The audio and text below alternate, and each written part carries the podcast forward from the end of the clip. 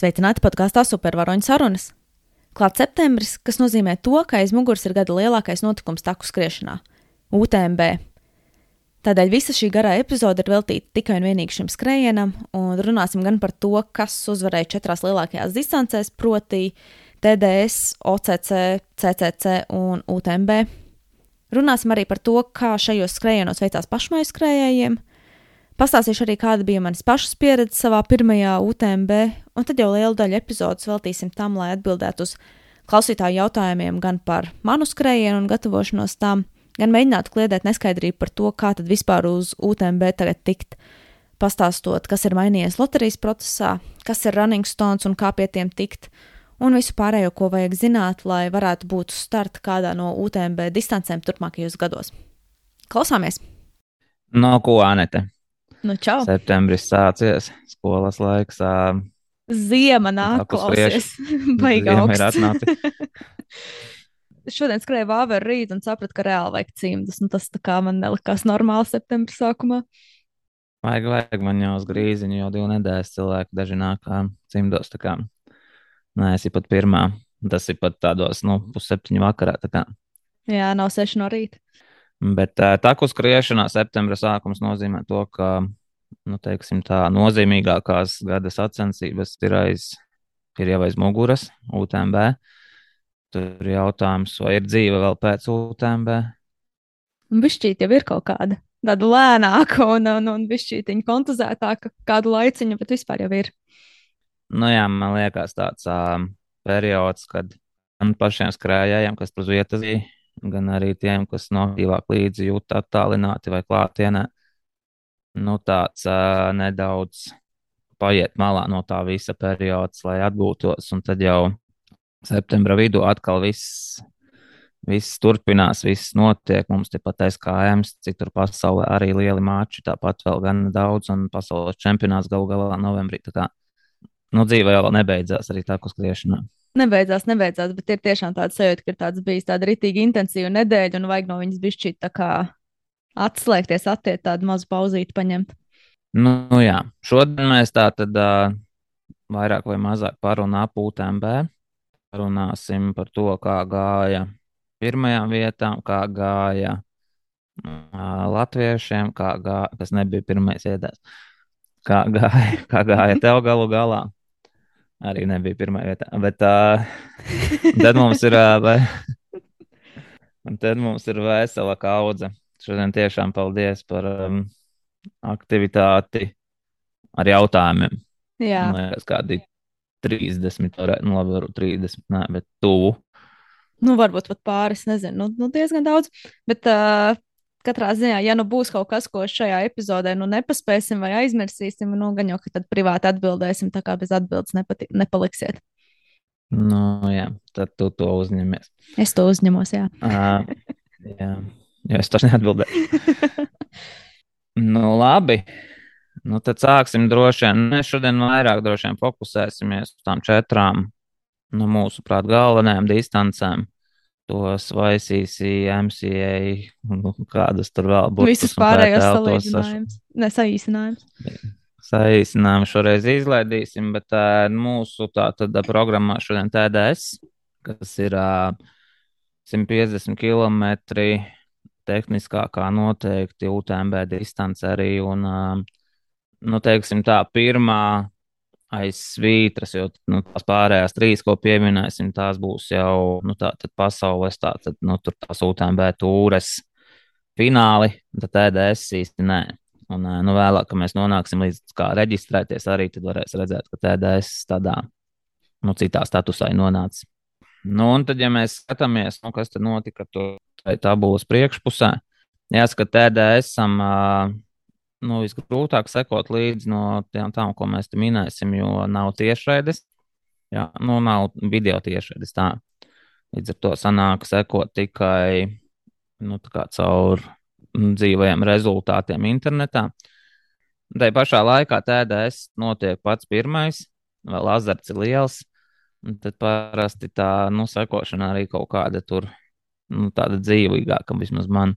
Jā, un ar to TDS kaut kā ir tā sajūta, ka tā UTMB nedēļa nu, patiešām ir sākusies. Jo it kā pirmdienā ir MCC, bet nu, man vismaz tas kaut kā ātri paslīd garām, un, un, un nu, tiešām TDS ir tāds īstais sākums. Nu, jā, sieviešu konkurencē diezgan īstenībā sīva tā cīņa par pirmajām vietām bija pirmās 3-40 minūšu nu, diapazonā. Pirmā 20 minūšu atrāviena, otrā arī ar 20 minūšu atrāvienu. It kā daudz, bet nu, uz tām 23 stundām tas, nu, tas nav nemaz tik daudz, vai ne? Tur nedaudz vājuma mirklis un, un, mm. un ir garām. Un tad uh, pirmā ir Martina Valmasoji no Itālijas, otrā ir Klaudija Trēms no, no Spānijas kāds, kurš varbūt atcerās manus stāstus no Kanārijām, bija tāda man klepotāja viena, kas uh, visu pusdistanci man tur fonā kaut ko klepoja. Tā ir tā Klaudija Trumps. Toreiz man ir noskrēja, man liekas. Uh, jā. jā. Nē, nē. Es atstāju putekļu. Jā. Nu, labi. es viņu beigās, es beigās sāku skriet normāli, viņa palika aizmugurē. Palika klapojot. viņa nevarēja uz taisnes paskriet tik ātri. Un, uh, nu, Baigā gan tas man tādu pašapziņu nepaceļ, bet tā vienalga. Trešā vietā Katarīna Harmuta no, no Vācijas. Un, savukārt vīriem tur jāsaka, ka uzvarēja pārliecinoši 18,5 stundās franču veterāns, gandrīz jau 50 gadus vecais Ludovičs Pomerets. Viņš arī, viņš arī vīrs, man liekas, kurš uzvarēja UTMB, tad, es, tad, kad es UTMB skatījos pirmo reizi tā nopietni. Nu, kad es tā kā mhm. video tiešraidē sekoju rīktīgi līdzi, un toreiz viņš sākumā tur bija novēmies, un um, ne visai viņam gāja, bet beigās viņš tur pa vienai, pa vienai vietiņai uzkāpa līdz beigās, beigās uzvarēja. Un, attiecīgi, otrais, trešais - Johans Lopes no Ekvadoras un Elijas Skadī no, no Francijas. Mm. Es nezinu, kā bija Ludovičam. Viņš arī tā kā vadīja, bija vadībā jau no paša sākuma, bet vismaz dāmu uzvarētāja Martina, viņa, kā viņa sāka pa pirmo pozīciju, tā arī visu skrējienu noturēja. Nu, Pamērts, man liekas, arī gana laicīgi jau tur bija, bija vadībā. Nu, tā tā tāda pārliecinoša skrējiena abiem. DDS katrā ziņā bija arī no Latvijas vis, visvairāk pārstāvētais. Nu, tur tas saraksts liekas, bija diezgan krietns. Jā bija krietnes, ne visi, protams, tika līdz uh, galam, kā jau tas uh, nu, dzīvē notiek, un ceļš tādos tēdēsos. Un ne visi arī tika līdz startam. Kā to domā? Manuprāt, bija daži, kas bija sarakstā, bet neizgājuši startu nemaz. Daži, man liekas, bija arī UTMB, kas bija gan UTMB sarakstos, bet te pašā dienā skrēja Rogainingu Eiropas čempi. Vai pasaules čempions tas bija? Nezinu. Pasaules čempions. Pasaules, jā. Bet jā, latviešu bija gana daudz šajā distancē, kādi man liekas, 14 vai 15 bija, bet finišu sasniedz 10. Ātrākais no tiem 89. vietā Valdis Čunka. Valdis diezgan labi tur uh, distances laikā kāpa pa tām vietām, beigu daļā. Tā kā viņam gana, gana labs sasniegums. Nu, tad pārējos varbūt tur baigi nesauksim, bet uh, nu, tas diapazons latviešiem, kur finišē 28,5 stundas, Nu, tā tad tieši 10 stundas aiz uzvarētā un līdz pat uh, 41 stundai. Nu, gandrīz diennakti vēlāk, kā Ludovičs ieskrēja, vai ne? Bet uh, nu, tas, tas nav tā, lai kādu noniecinātu. Vienkārši nu, tā distance ir gana gara, gana tehniska. Un tehnisks, nu, tas jau ir tas jēdziens, kuru mēs visu laiku kaut ko te grozam apkārt. Bet, arvien, jo tālāk nonākam, jo vairāk saprotam, ka Pilnīgi katrs to saprot savādāk. Jā, jā. Nu, katrā ziņā man šogad skrienot UTMB likās, ka wow, šī ir rītīgi viegla distance salīdzinot ar TDS. nu, tā arī ir. Bet nu, tajā pašā laikā man bija audzēkņi, kas rakstīja, tur, nu, kas CCC skrien, piemēram, kurš nu, palielina tas pats UTMB. Nu, ka ļoti tehniski un tā. Un, Bet CCC daļa jā, ir sarežģītāka. Tas sākums ir nu, vienkārši pilnīga maģistrāla. Nu, Nu, labi, CCC ir kā, tas pats, kas UTMB izņemot pašu startu. Nu, jā, es tieši tā kā, nu, teiksim, ja UTMB mēs sadalām uz pusēm, tad pirmā puse ir nu, izcili vienkārša. Nu, un otrajā mm. sāku redzēt, nu, jā, kāds jā. varētu viņu nosaukt par tehniskāku. Nu, jā, bet vienalga, izņemot to pēdējo kāpumu, tur tā, nu, pārējais viss liekas pēdējo kāpumu noskrēja, un viss pārējais. Jā, Un arī jā, tas jā. noskrējiens pēdējais, nu tur nav nekā nu, saknes, kam on. Nu, Nu, principā, jā. Saknes mēs tērvete aizbraucot ar varam dabūt. Nu, lūk, tas par TDS. -u. Tas tāds ā, nedaudz atstāts, manuprāt, pabērnu lomā sacensības, ā, jo nu, nākamās trīs ir nu, tā nozīmīgākas. Es arī kaut kā skatoties to UTMB, es jau tā sarin, sa, nu, sarankoju, tā saliku pēc pozīcijām. Nu, no šīm četrām, kur visgrūtāk ir tikt top 10? Kāds būtu tavs tas? Nu, tā kā man ir skaidrs, kur ir visvieglāk tikt. Nu, labi, sāc tad no vieglākā. nu, vieglākais ir TDS, es teiktu, kur tikt top 10. Jā, Bet pēc tam īstenībā, nu, tā grūti pateikt, jo, teiksim, nu, nu es gandrīz vai teiktu, UTMB varētu būt otrais, kur varētu būt vieglāk tikt to, top 10. Bet salikt trešo un ceturto vietu, nu, tad diezgan sīvi starp OCC un CCC. Nu, es jau pat laikam liktu, ka nu, trešā vieta OCC un ceturtā CCC. Nezinu, vai varbūt otrādi. nu, respektīvi, grūtāk CTC. Nu, jā, nu, man līdzi, es laikam, OCC liktu kā to, kur visgrūtāk. Bet, nu, zini, kā tas jau no katra savas Mm. mm. prizmas nedaudz. Bet, nu, tur ir tā, man liekas, ka tas no OCC tas ātrums tomēr ir um, nereāls. Mm Un -hmm. CCC, nu, tomēr to arī paļauties, ka kāds izstāsies, ka kāds, um, kādam būs sliktāka diena, un ka tu tur ar prātu nedaudz skrienot, varbūt aizsniegsies līdz tam top 10. mm. Bet, principā, man līdzīgi, jā, nu, nav tā, ka UTMB būtu pats pats, neskatoties to, ka, nu, sākumā liekas, ka wow, kas pa sarakstu, vai ne? Jā, Bet nu, labi, iesim tad, jāskatās ā, uz manuprāt, to- Tikuši līdz kormajerai. Jā. Turpināsim ar to manu grūtāko manās acīs, kas ir um, OCC. OCC vīriem šogad dominēja, dominēja Spāņi. Šogad nekādi rekordi OCC nekrita. Pagājušajā gadā uzstādītie bija tiešām gan iespaidīgi, un šogad varētu teikt, tas līmenis nedaudz at, nu, nonāca atpakaļ tur, kur viņš bija iepriekš. Neskatoties uz to, OCC ir droši vien sacensības, ko gandrīz visinteresantāk skatīties un sekot. Nu, Pārāk ilgi, sīvi līdz pat finišam. Dinamiski Un, ļoti. ā, Mm. Jā, nu viss ātri notiek un tā. Un, ā, nu, tad uzvarētājs Manuels Merillas, Merijas tā būtu pareizāk, no Spānijas. Otrais arī Spānis, Antio, Antonio Martīnes Pēres. Turklāt viņš flēgarē, kas ir pēdējais kontrolpunkts, bija pirmais. Un tur īsti nevarēja saprast, vai viņš tā kā, vai viņš nokrita, vai viņam bija kaut kāds krampis, vai kaut kas, nu, vai kaut kas cits. Nu, jo tik labi jau to tiešai tur neparāda. Vienā mirklī vienkārši rādīja, ka viņš stāv trases malā vai ne, un kaut mm -hmm. ko tur ā, vingro. Bet nu, kaut kas viņam notika. Vai tas bija tas vienīgais iemesls, kāpēc viņš neuzvarēja, nu, grūti spriest. Bet noteikti tas palīdzēja viņam nonākt otrajā pozīcijā. Viņš gan, gana priecīgs tāpat finišā izskatījās. Un trešais, un droši vien es biju domājis, ka būs pirmais, bet tikai trešais brīts Robijs Simpsons kurš pagājušajā gadā noskrēja otrajā vietā. Nu, pirmie trīs, uh, sešu minūšu, pat piecu pus minūšu intervālā. Nu, Tā kā gana, gana nu, tā kā sīvi tas viss, vai ne? Un um, tiešām bija diezgan aizraujoši arī tam visam, visam sekot, uh, sekot līdzi. Dāmām arī Spānija.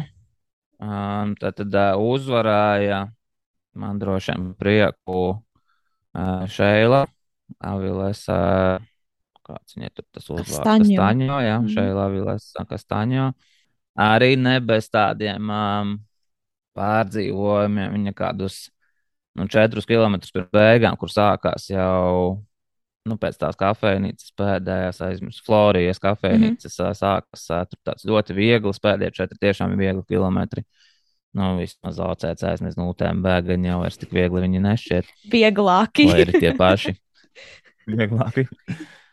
Nu, tur tiešām tāds, nu, netehnisks, vienkārši bliez uz leju. Nu, tas viss, un uh, tur viņa sāka tā kā turēt sānu riktīgi ar vienu roku. Un pēc mirkļa viņa vēl nolika uz deguna riktīgi. Un, uh, nu, likās jau, nu, bācis. Ne jau tu tagad pēdējos trīs kilometros. Uh, nu, ka nu, tas viss izjūgs, vai ne? Jā. pārsvaru. Jā, bet, nu, nē, nē, nu, viņa beigās noturēja diezgan pārliecinoši 6 minūšu pārsvars pār uh, arī savu tautieti Nuriju Džilu Klaperu. Nu, un trešā amerikāniete Denīmu Rēno. Tā kā, nu, arī gan interesanti tā sacīksts sanāca. Es droši vien OCC gandrīz, nu, tādā vismaz tiešaides formātā sekoju visvairāk. Pēc tam es kaut kā saguru un man vairāk īsti. Nu, jāatzīst, ka man viss, viss UTMB nedēļa bija tāds. Es jau biju noguris sekot līdzi, vēl pirms bija sācies. nu, nākamgad augustam, liekas, vienkārši sociāli stīli ir, ir jānorūpē. Jo nu, tik vienādi, un tik daudz, un tik, ah, nu, nezinu, man kaut kā grūti to gāja. Jā, nu katrā ziņā tik maz Instagramā būtu, cik, in, cik šajā te UTMB nedēļā tas man arī varētu būt viens no jaunajiem rekordiem kaut kādiem. Jo nu arī vienkārši visu Nu, tā jā, bija jā, par jau. daudz. Jā, jā, jā, un tev vēl pēc tam met to informāciju, nu, pakaļ, pat tad, kad jau viņa ir jau veca kaut kādā mērā. Nu, tā kā, jā, nu, tas kaut kā tā, līdz galam. Mm. Ā, Arī latvieši, protams, ņēma dalību. Finišu sasniedza seši. Droši vien izcelsim ā, divas dāmas, ā, kas abas uzvarēja savās ā, vecuma kategorijās. Attiecīgi, Irita Puķīte. Viņa arī 50. kopvērtējumā. Zinu, ka Irita nedaudz ā, augstāk vēlējās būt, bet uh, no OCC ir OCC. Nu, tur, ā, tur varbūt tie uzvārdi mums personīgi nav tik labi zināmi, jo viņi, nu, mēs viņus tik bieži neredzam tajos mačos, kuros mēs piedalāmies. Nu, skaidrs, ka uz īsāku distanci arī masveidība ir stipri, stipri Mhm. lielāka. Jā. Nu, konkurence līdz ar to arī ir ievērojami, ievērojami lielāka. Un, um, Un arī tāpēc, sieviešu jā. sastāvs ir krietni lielāks. Tas procents sieviešu, kas piedalās teiksim, tādā OCC, nekā, piemēram, CCC, UTMB, TDS. Tas jau arī. jā, protams, jā, tas arī ir labs arguments. Iveta vēl neizcēlu, laikam, jā, un tad ir Iveta Šķiņķa, kas arī uzvarēja savā vecuma kategorijā. Noskrēja, manuprāt, gana, gana stabilu skrējienu. Un arī, nu, tā kā bija prieks viņu redzēt tā video vismaz formātā uz piedestālā šamanī. Jā, turklāt trīs stundas ielika otrajā vietā, kas, kas nav maz. Jā, tas gali, tad jau varēja pat mierīgāk. nu, lūk. Bet nu, CC, OCC distancē, manuprāt, viens no lielākajiem izaicinājumiem viņiem bija laika apstākļi. Bija tajā, tajā dienā ļoti karsts. Es atceros, tā bija tā vienīgā diena, kad es biju Šamonī centrā. Nu, tur bija, nu, likās, ka kaut kāds plus 30. Iedomājos, nu, tā kā kalnos saulē, nu, arī tur noteikti nebija, nebija patīkami. Jā, jā. Nu, lūk, un tad nu, tāda nu, iesildīšanās pirms UTMB katru reizi piekdienas rītā ir CCC. Tad 100 km no Kormajāras Itālijā cauri Šveicei līdz pat Šamanī. Šeit ā, patiesībā fantastiski rezultāti, kas jau lika tā kā pozitīvi raudzīties arī uz pašu UTMB, kad arī tur varētu būt rekordi, un kas vēlāk arī nu, tā kā Tā arī bija. pierādījās. Mm. Un nu, šeit, nu, sieviešu konkurencē jau tā kādu rekordu droši vien varēja nedaudz sagaidīt, zinot, ka skrienē Blandīna Lirondēla. Tā tad ā, dāma, kas pagājušajā gadā uzvarēja un arī uzstādīja jaunu rekordu OCC distancē. Tas pats viņai izdevās arī CCC.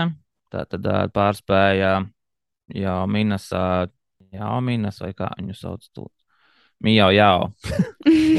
Nu, gandrīz. Jā, jā, tā tad. Uh, no, tur sapratāt. Uh, par 15 minūtēm vai ne iepriekšējo rekordu, un tagad jaunais sieviešu rekords ir 11,40, 55. Uh, Patiesībā arī otrā vietā jāatzīst, ka šo dāmu es īpaši nezināju, un Maija Buda no Nepālas atpalika viena 5 minūtes patiesībā no Blandīnas, un uh, nu, arī paskrēja zem iepriekšējā trases rekorda. Un tad trešā vieta nedaudz tālāk, amerikāniete Ebija Hāla.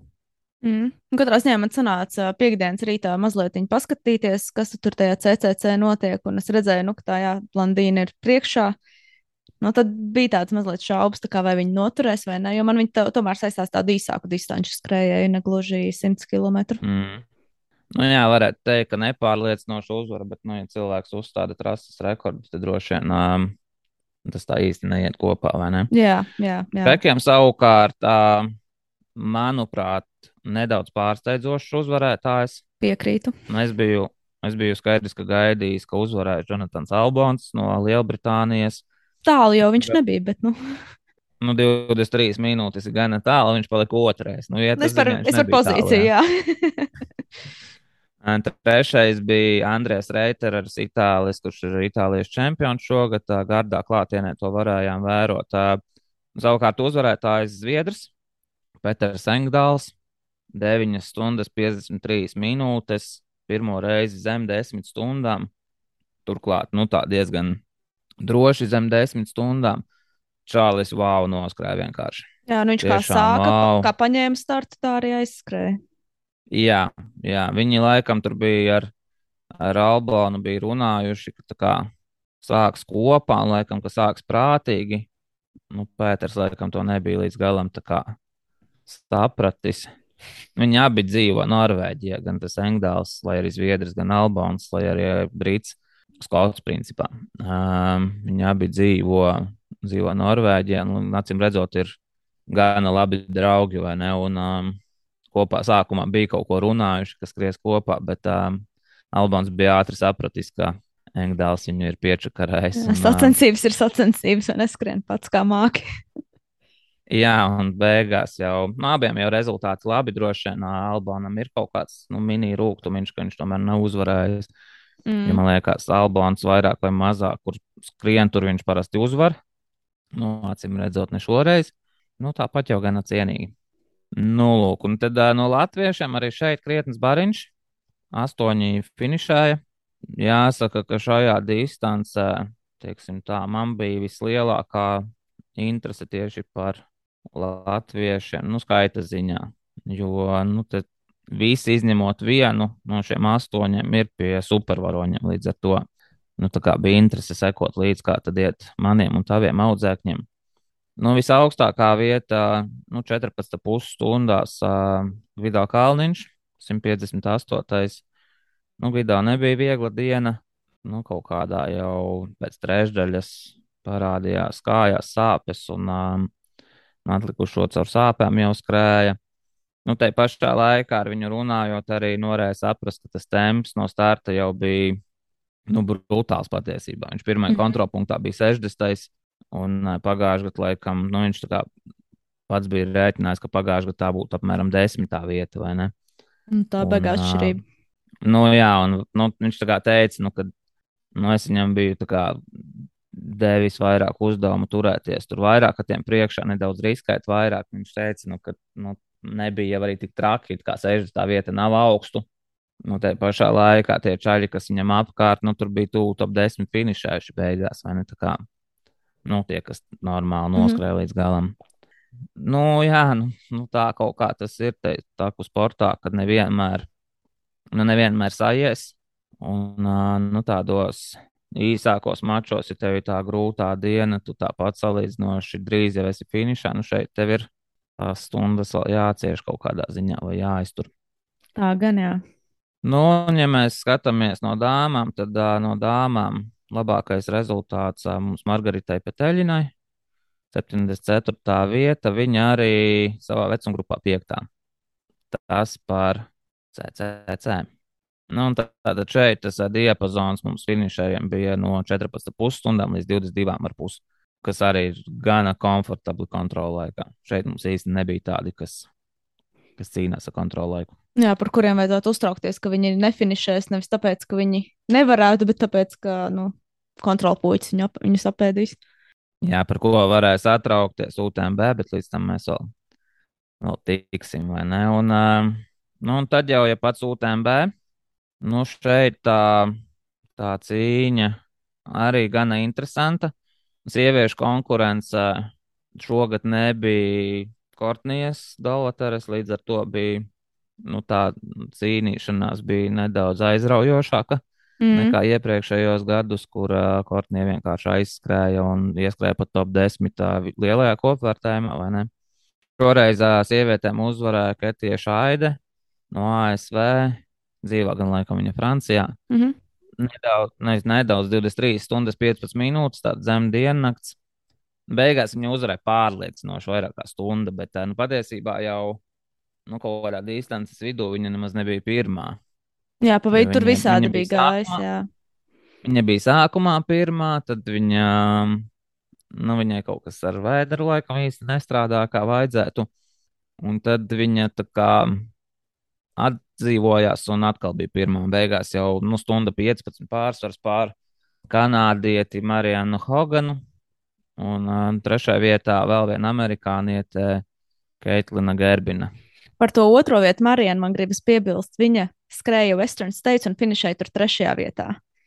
Un uh, cik tēt pameklējot kaut kādu informāciju, principā pēdējo reizi, kad kaut kas tāds ir izdarīts, ka Western States un UTMB vienā gadā ir uh, top 3 finiši, nu, tas ir Kilians kaut kādā 2000 kaut kādā gadā, nu, tas bija pirms desmit gadiem apmēram. Ok, ok. Nu man liekas, viņa te Western State bija nedaudz pārsteigums, ne? Mm, nu, savā ziņā, nu, laikam tie, kas ir sanāk no Amerikas, nu, tur viņiem tas laikam nebija tik liels pārsteigums, jo viņi ir kanādieti un līdz ar to tur tajā krastā viņi diezgan daudz skrien. Bet, eh, nu, skaidrs, ka Eiropai viņa tāds jaunums un viņai abi divi pirmie simtjūdžinieki šie bija, nu, Western States attiecīgi pirmais un uh, UTMB mm. otrais, tā kā tāds, nu, šajā garajā distancē, es teiktu, jā, tāds, tāds jaunums. Nu, jā, jā, tā man arī kaut kā likās. Nu, kas attiecās uz vīriem, pārmaiņas pēc jāsaka, ka UTMB bija interesanti arī otrā diena. Jo Tāpēc, kad bija pēdējo... cīņa līdz galam, vai ne? Jā, jā, nu kaut kā pēdējos gados vienkārši bija tā pierasts, ka otrajā dienā nu, tu vienkārši nu, atsēdi un atskaties, kā viņš tur viens pats priekšā skrien, un otrā vieta tikpat tālu, un trešā vieta tikpat tālu, vai ne? Bet šogad bija īstenībā diezgan aizraujoši. Nu, ja, ja teiksim, dāmām amerikānietes, nu, vai arī varam teikt, ziemeļamerikānietes, vai ne, ir nu, pieradinājušas to trasi. Nu, džekiem joprojām neiet pa, pa vecam. Jā, viņi var pārvākties visu vasaru dzīvot uh, Francijā jā. un trenēties šajos kalnos, un tik un tā tas, tas nepalīdzēs. tā, jā, tas, ka tu tēlo, ka esi Eiropietis, nenozīmē, ka tu esi Eiropietis. Nu, skaidrs, ka liela intriga bija, vai Džims Vamslijs spējas beidzot uzvarēt. Un atbilde ir nē. Man patiesībā ir ļoti žēl. Tā kā nav tā, ka es par viņu ļoti fanot, bet kaut kā tas viņa, viss tas, ko viņš ir ieguldījis, lai šo izdarītu, man tiešām žēl, ka viņam nu, atkal nesanāca. Nu, nē, man galīgi tā nav. Nu, es nezinu. nē, es, es, es vienmēr esmu par nu, kaut kādiem nosacītiem underdogiem. Un Džims man liekas tāds, nu, Džims Kilians, Frančiskais Nu, tie droši vien tādi džeki, kas, nu, man liekas, kas ir neuzvarami parasti. Nu, fanot par viņiem man liekas interesanti vai aizraujoši, un tāpēc es kaut, kā, kaut kādā ziņā, nu, nevis priecāju, nu, nepriecājos, es, ka viņam tur neveicās, bet uh, nu, tagad man nav žēl, teiksim tā. nu, nu, iespējams, ka tas izklausās tāpat kā priecājos, bet nu, kaut kā tā, jā.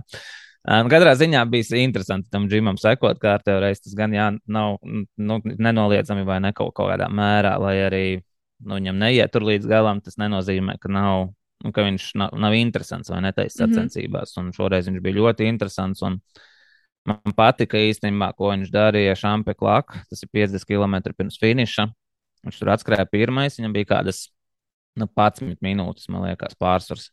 Un viņš tur atsēdēja gandrīz 10 nu, principā, uz pusi saīsināja to savu pārsvaru. Tur palika kaut kādas pat vairāk, kā uz pusi, man liekas, palika kādas sešas minūtes viņam pārsvars. Bet tas viss izskatījās nu, ļoti kā, apzināti, kontrolēti. Un liekas, apbeidzot, nu, kā, nu, viņam ir plāns. Kā, jā, viņš šeit zaudē nedaudz laiku, bet uh, tas viņam palīdzēs kā, atgūties, un pēc tam būs labi. Nu, tiesā, Es man liekas, pēc tam, kad viņš aizgāja tālāk skriet, un es aizbraucu uz savu treniņu, ko treniņa vidū izvilku telefonu, paskatīties, nu, kā viņiem tur iet. Un uh, Džims jau bija trešais. Beigās ceturtais. Tā kā bez piedestāla amerikāņiem arī šoreiz. Bet tā, nu, gan jau viņam kādreiz sanāks. Centīgs viņš ir, to taču nevar nolikt. Jā, jā, kaut kad tie priekšējie nolūzīs vai nepanāks, vai, vai abi divi. Ne, nerunājot par džimu, nu, top 3. Trešā vieta Tomas Sevans. Brīts, manuprāt, arī viens no džekiem, kas visu dara pareizi un visu nu, ieguldās uh, nopietni. Es domāju, ka tu nevari teikt, ka viņš tur mazāk, piemēram, par džimu ieguldās. Džims varbūt vienkārši tāds nu, redzamākais gadījums, ko mēs dzirdam, ka viņš ieguldās. Ne? Mm. Neviens no top 10, es domāju, maz neieguldās. Un uh, nu, tad otrā vieta, nu, Čālijs, pa kuru es beigās biju, nu, jau viņš ir šis kaut kādā mērā underdogs vai ne? Metju Blančārds, 19 stundas 54 minūtes, kas jau ir kādas apmēram liekas, 20 minūtes zem, zem iepriekšējā rekorda, vai ne pat vairāk. Nu, bija interesanti katrā ziņā sekot viņam. Tur pirms tā šāpe klāka. Viņš bija jau apzinis Kiljānu, un priekšā bija tikai Džims. Nu, likās jau, ka pat neapzinis noķēris. Likās jau, nu, ka Kiljānam viss ir slikti nu, ka tūlīt tas Matju aizbēgs būs. Tā kā viss būs viņa diena šodien. Bet, nu, Kilians ir Kilians. Kilians tieši bija izmantojis to Matju un iesēdies viņam vienkārši astē. Un tādēļ, nu, kaut kādā mērā izdzīvojis to grūto periodu un ticis tālāk. Nu, droši vien tā no malas skatoties, tagad varētu domāt, nu, bācis tam Blančārdam vajadzēja vienkārši nu, kāpināt rīktīgi. Pofīgi, ka vēl 50 km. Nu, nedaudz riskēt un mēģināt aizbēgt no tā kiliena. Jā, un dabūt atstāt, kaut kādu atstarpi. Jā. Mm. Jā, jā, jā, jā, dabūt atstarpi. Un, nu, jau skaidrs, ka ir tie džeki, kuriem nedrīkst dot otras iespējas. Un šī gadījumā viņš nu, kaut kādā mērā iedeva Kilianam otru iespēju. Nedrīkst, atgūties. manuprāt, tādam Kilianam pat vienu iespēju dot. Viņš izmantos jau to. Nu, tieši tā, un nu, viņš to arī šoreiz izdarīja. Beigās finišā 19, 49, 30. Tas ir absolūti jauns UTMB rekords par gandrīz pusstundu. Mm. Gana iespaidīgi. Patiesībā abi divi pirmie noskaņa gana iespaidīgi. Nu, tas Blančārs vēl kā finišā skrēja, viņš tur ik pa trīs sekundēm skatījās pulkstenī. Nu, tiešām gandrīz sprintoja, vai ne? Es arī klausījos interviju ar Kilianu, un viņš stāstīja, ka viņš bija. Nu, piemēram, viņš zina, teiksim, kā Džims skrien, jo ir gana daudz teiksim, skrējuši kopā. Nu, viņš teiksim, viņu pazīst kā skrējēju, bet teiksim, tāds meķu viņam bija kaut kas jauns. Tad viņš arī saka, viņš skrien kopā un vēro, nu, teiksim, kā viņš strādā kāpumos, kā noskrējienos, ko. Un tad viņš bija sapratis, ka viņam vienīgā iespēja no viņa tikt vaļā ir kāpums. Un, attiecīgi, viņi tiek līdz -hmm. Valorsīnai, un uh, Kilians izdara savu uzbrukumu un, un, un nostrādā līdz augšām, pēc tam jau tikai jāiztur līdz lejai. Nu jā, pat patiesībā viņš to uzbrukumu, es teiktu, no aiz Valarsīnas. Nu, ir tas uh, fels flats saucamais, nu, kad, mm -hmm. respektīvi, izskatās, ka ir, nu, nu labi, tur pat īsti neizskatās, bet, nu, gandrīz kā taisne, tomēr visu laiku iet uz augšu. Nu, ir tie 3-4% slīpumiņš. Jā. Nu, kas liekas, nu, tur, teiksim, ja tur ar svaigām kājām aizēja, nu, tad tur liekas, easy nekā te nav, vai ne? Bet, nu, kad tu tur aizēji ar nogurušām kājām, tur nu, pārsvarā tur negribās pat baigi skriet vairāk, vai ne? Un, un šī gadījumā nu, Kilians tieši šajā vietā šo uzbrukumu veica. Nu, kaut kādā mērā es teiktu, izmantoja to, ka viņš ir ātrs. Nu, jo Kilians droši vien nu, tādā, nezinu, ja viņus ieliktu abus stadionā, nu, droši vien noskrietu gandrīz jebkuru šeit, vai nevarot izņemot Tomasu Evansu, Vamslīs var vienvarot konkurēt. Bet nu, lielākā daļa tomēr no tiem džekiem ir vienkārši mega izturīgi, nevis super ātri. Mm. Nu, Kilians ir gan, gan. Un, uh, nu, ja viņš ar toču zem 30 skriet uh, des, dešukus pat uh, pēc, pēc tam, ka viņš ir tikko veicis vertikālu kilometru vai ne tādu svaigām kājām, droši vien tās ir kaut kādas 28, 29 minūtes vai ne. Mm. Nu, tā kā ātrums viņam ir, un viņš to šeit arī, man liekas, labi izmantoja. Un pēc tam kāpumā, protams, vienkārši nu, turpināja audzēt to pārsvaru. Nu, kā parasti, viss, viss beidzās, kā beidzās. Kilians uzvar. Pārējiem paldies par dalību. Nu, Tādu meķu tā. zem 20 stundām visticamāk neviens neatcerēsies. Tas mans minējums. Jā, labi. Jā. Nu, droši vien mē, mēs ar Aneti šo, šo, šo uzvāru tagad būsim piefiksējuši. Droši vien, ka lielākā daļa no, no mūsu klausītājiem jau līdz rītdienai būs aizmirsuši. Un, um, tā kā mēs nākamreiz viņu pieminēsim, mums būs jāatgādina, ko viņš ir izdarījis. Nu, tāda jau tā dzīve. Nē, es esmu tā. pirmais, tad ātri tevi, Mm. ātri tevi aizmirst, ja vien neesmu kaut kāds lokālais, lokālais varonis. Nu, runājot par lokālajiem varoņiem, UTMB mums ir pieci finišētāji šogad. Droši vien visus arī būtu vērts nosaukt. 85. vietā, 27,5 stundās Pēteris Grīviņš. Nu, skaidrs, ka Pēterim nu, droši vien nav, nav tas finiša laiks vai finiša pozīcija, ko viņš bija kā vizualizējis. Vai arī kas viņam būtu pa spēkam? Nu, kas viņam arī kas būtu pa spēkam. Un, nu, droši vien nu, jāsaka, ka labi, ka izvairījās no Hetrika. DNF Hetrika Kanārijās Lavarēdo neizvairījās, un tad šeit izvairījās. Lai arī es saprotu, te arī bija momenti, ka, kad tas varēja nu, beigties savādāk. Bet, nu, beidzās tā kā beidzās. Patiesībā pēdējos kaut kādus, man liekas, 30, 40 km ļoti labi noskrēja. Nu, tur arī attiecīgi viņš ļoti daudz vietas atguva. Dievs kā pats jau atzina, nu, skaidrs, ka tie skrējēji, kas viņam apkārt tajā brīdī bija, nu, nav īsti viņa līmeņa. Līdz ar to tā apdzīšana nebija tāda, ka ļoti, ļoti grūta. Mm. Tad, tad nāk Anita Švilpe, 20. starp dāmām, 31 stunda 24 minūtes. Nu, par tavu sniegumu mēs vēl droši vien Parunāsim. vēlāk nedaudz vairāk. Nu, un tad mums ir ā, Andrejs Pupurs, 31 stunda 48 minūtes, Edgars Kokorevičs, 36 stundas 50 un Kalvis Silgals ā, 45, 46. Nu, pa Kalvis laikam biju visvairāk pārsteigts. Nu, tādā ziņā, ka es nebiju domājis, ka viņam tas prasīs tik ilgi. Jā, Nu, laikam, ā, es nevienam tā neskatījos vidējos ātrumus, kā es skatījos Kalvim. nu, man vienkārši bija, piedod, Kalvi, man vienkārši bija interesanti, nu, cik, cik vēl lēnāk var kustēties. Jo tas bija, nu, tik traki lēnīgi. Nu, tur, piemēram, nu, beigās pēdējais kontrolpunkts, kas viss ir uz leju, 7 km kaut kādi. 2,83 km/h. Kā? Nu, Tas ir, es nezinu. Tas ir um, 25 kādas minūtes, 22 minūtes kilometrā kaut uz kas tāds. leju. Nu, un visu laiku tā jau bija visu nakti, principā. Nu, jau uz leju, tad kaut kādi 4-5 km/h, jau uz augšu, tad 2-3 km/h. Bet, nu, finišu vismaz sasniedza. Paspēja Saprotu, ka vairāk sasniegt. jā. viņš šo, jā, paspēja sasniegt. Saprotu, ka vairāk viņš šo atkārtot nevēlas. Nu, droši vien viņam pa kalnaini nu, tas viss sanāca, manuprāt. Bet, nu, gan jau piedzīvojums labs. Saprotu, ka bija gulējis kaut kādās tur naktīs, kaut kur krūmos. Un, tā, ka neviens pat nav redzējis. Un, nu, Bet tādu trasē netrūks arī redzēju ļoti daudz, kas vienkārši kaut kur, kaut kur ir ielīduši, kaut kur guļ vienkārši pļāvā pie govīm apmēram. Jā, Tā nu, Tas, tas ko ir? UTMB.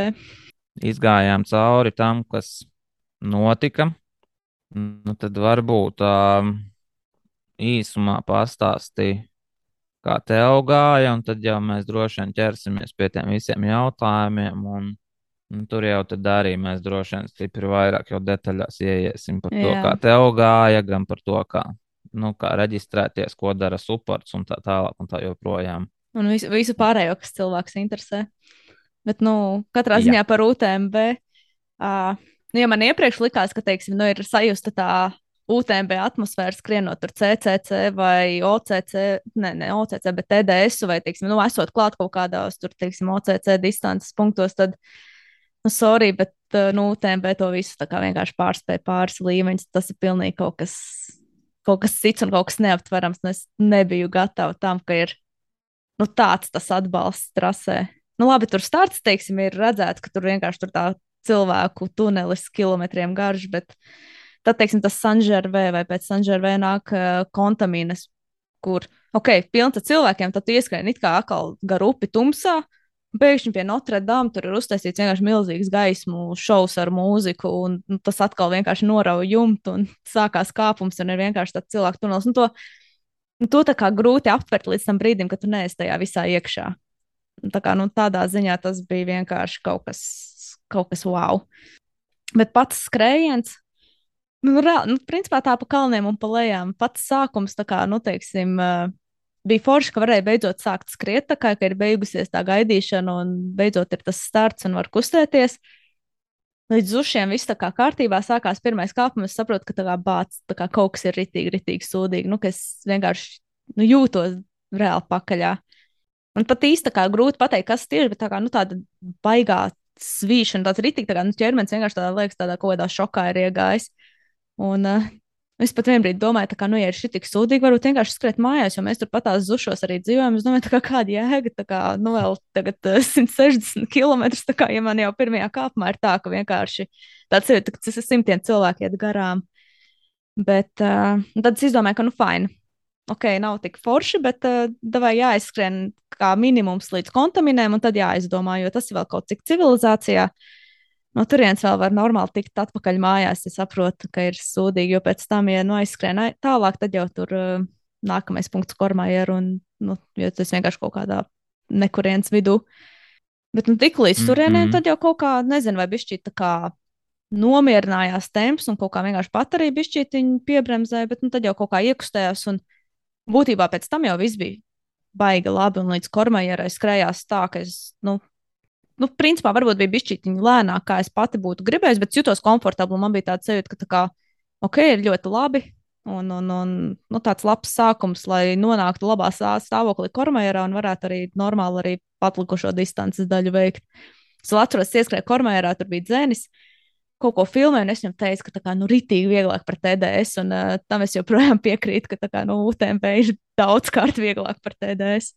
Bet, uh, Un tad, principā, tas nākamais kāpums aiz kormajieras, kur uh, vēl ar lietuvietu modestu baci satikos un parunājām. Un tad pēc tā kāpuma sapratu, ka kaut kas nav ritīgi, bet šoreiz nevis pašai, bet no nu, ar kājām. Un tā laikam bija tāda tā skrējiena lielākā vilšanās, ka es biju gaidījusi, ka nu, viss kaut kas cits varētu noiet greizi, tur nezinu, ar to pašu augstumu vai kaut ko tādu, kas iepriekš ir bijušas problēmas. Šoreiz tas viss bija izcili, bet uh, nu, kā es pievilku teiksim, tādos kāpumos vienkārši tāda reāla kāpšana sagādāja milzīgas problēmas. Nu jā, kas ir um, man joprojām nedaudz jokaini, jo, nu, kāja, lai nu kas, bet kājas spēka ziņā tev ir nu, reāli stipras. Jā. Un tāpēc, un, laikam, arī nu, tā lielākā vilšanās par to, ka kā, nu, tas bija kaut kas, nu, skaidrs, ka es sagaidīju, ka viņas sāpēs un būs grūti. Nu, nav stāsts par to, ka es sagaidīju, ka es varu noskriet 170 km un uh, bez kaut kāda diskomforta kājas, bet ka, nu, līdz tādam stāvoklim, ka, tā kā, nu, principā, es nevaru pacelt tās kājas, jo vienkārši tie muskuļi ir tā pārguruši, un tas, tā kā, nu, to es nebiju gaidījusi. Nu jā, tad jau attiecīgi tās beigas pēc tam tādas, nu, krietni lēnākas, ka vienkārši no augšā tā kāpšana tāda slinkāka. Tur, kur tāds lēzenāks un nav, teiksim, baigi kājas atceļ, jā, tur es varēju kāpt bez problēmām. Tur pat, nu, teiksim, nevajag nekādas pauzes. Es vienkārši kāpju pat, ja es jutos labi, bet, uh, Bet, bet, bet vēl viena atziņa, ko arī cilvēki jautāja, vai es kaut ko tādu darītu vēlreiz.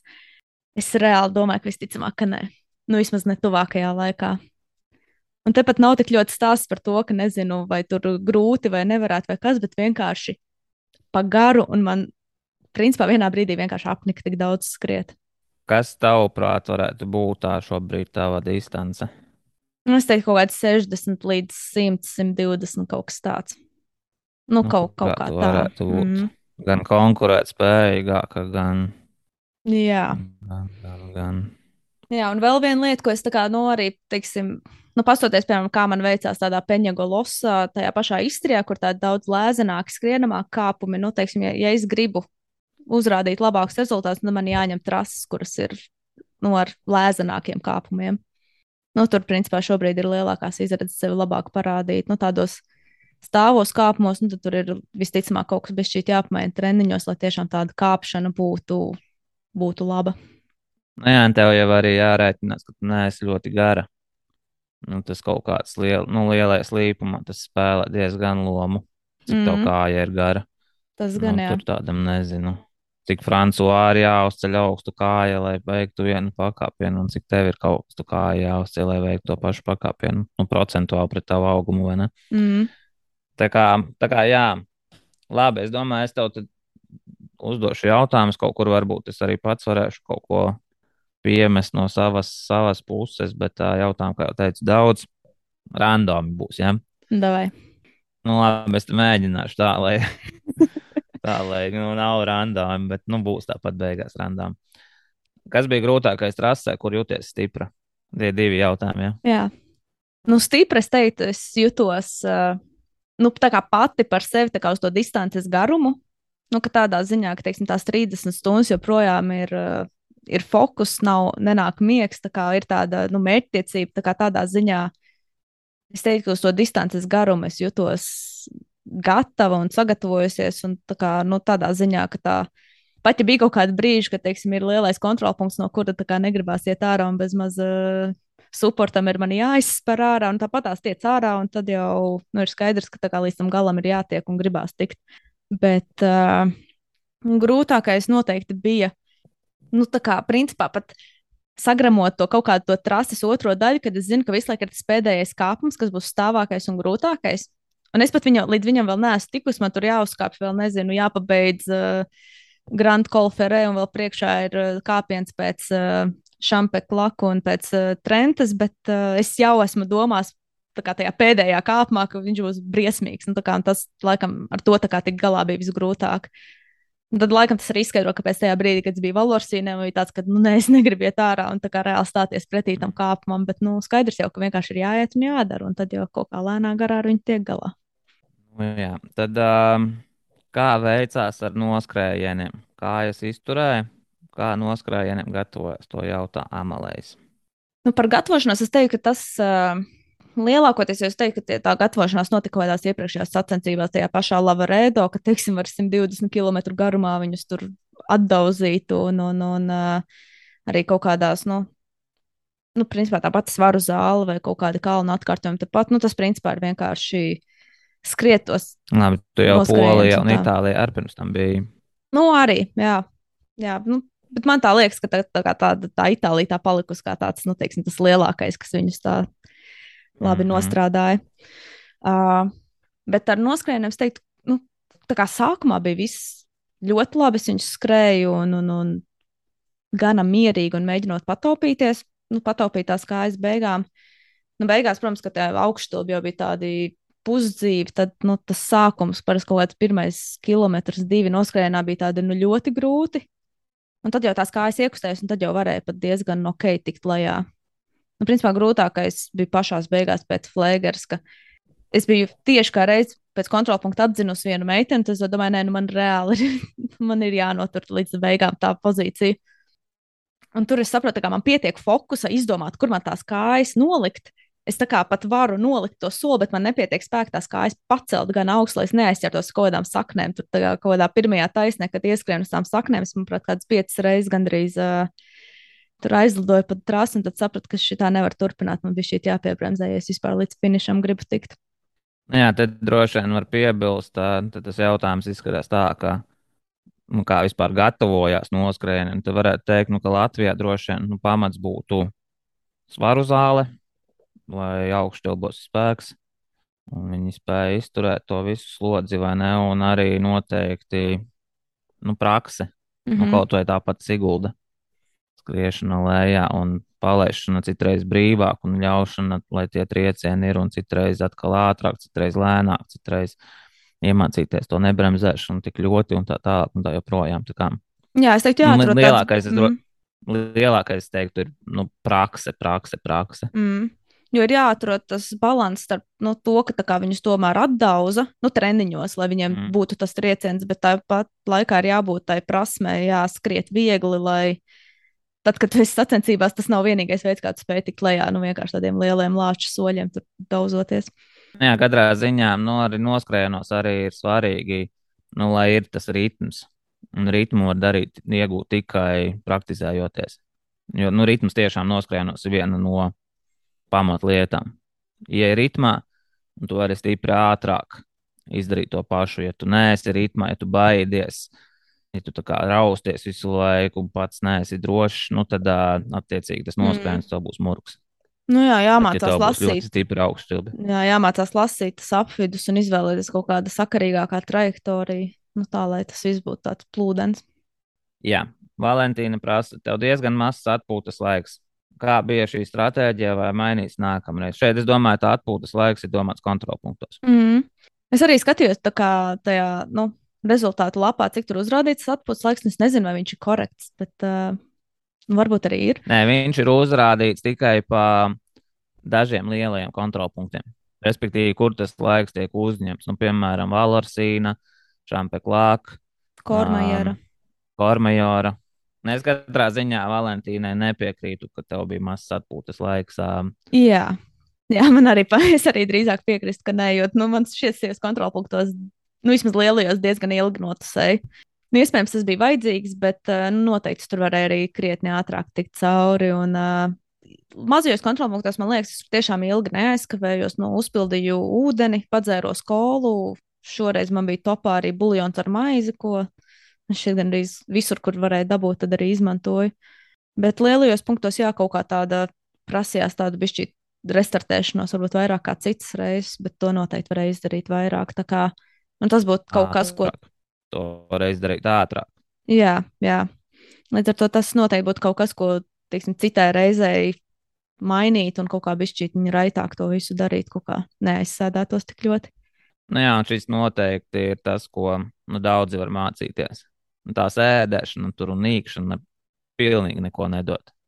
Ja tev nav mērķa, kāpēc tu tur sēdi, tad tam jēga ir maza. Mm. Nu, ja tas ir nomodā, tu jau reāli tur baigi pat neatpūties. Tāpat ķermenis tev ir sacensībās, atdziesti. Naktī pēc tam ceļš kaut kādā izlīst vēlreiz tur ārā, sākt no jauna kustēties nereāli. Un es īsti, nu, ja vien nav tiešām ļoti, ļoti slikti, tad es teiktu, jāiet pagulēt vienkārši Un tad tur nīktais kontrolpunktos ir bezjēdzīgi. Tā kā juristi šodien bija ierakstījis Facebook, ka viņš tur kaut kādā, es jau zināju par šo punktu. Pēc desmit minūtēm bija gatavs iet ārā, bet tomēr gaidījis kaut kādu sūdu makaronus pusstundu pēc tam. Vai?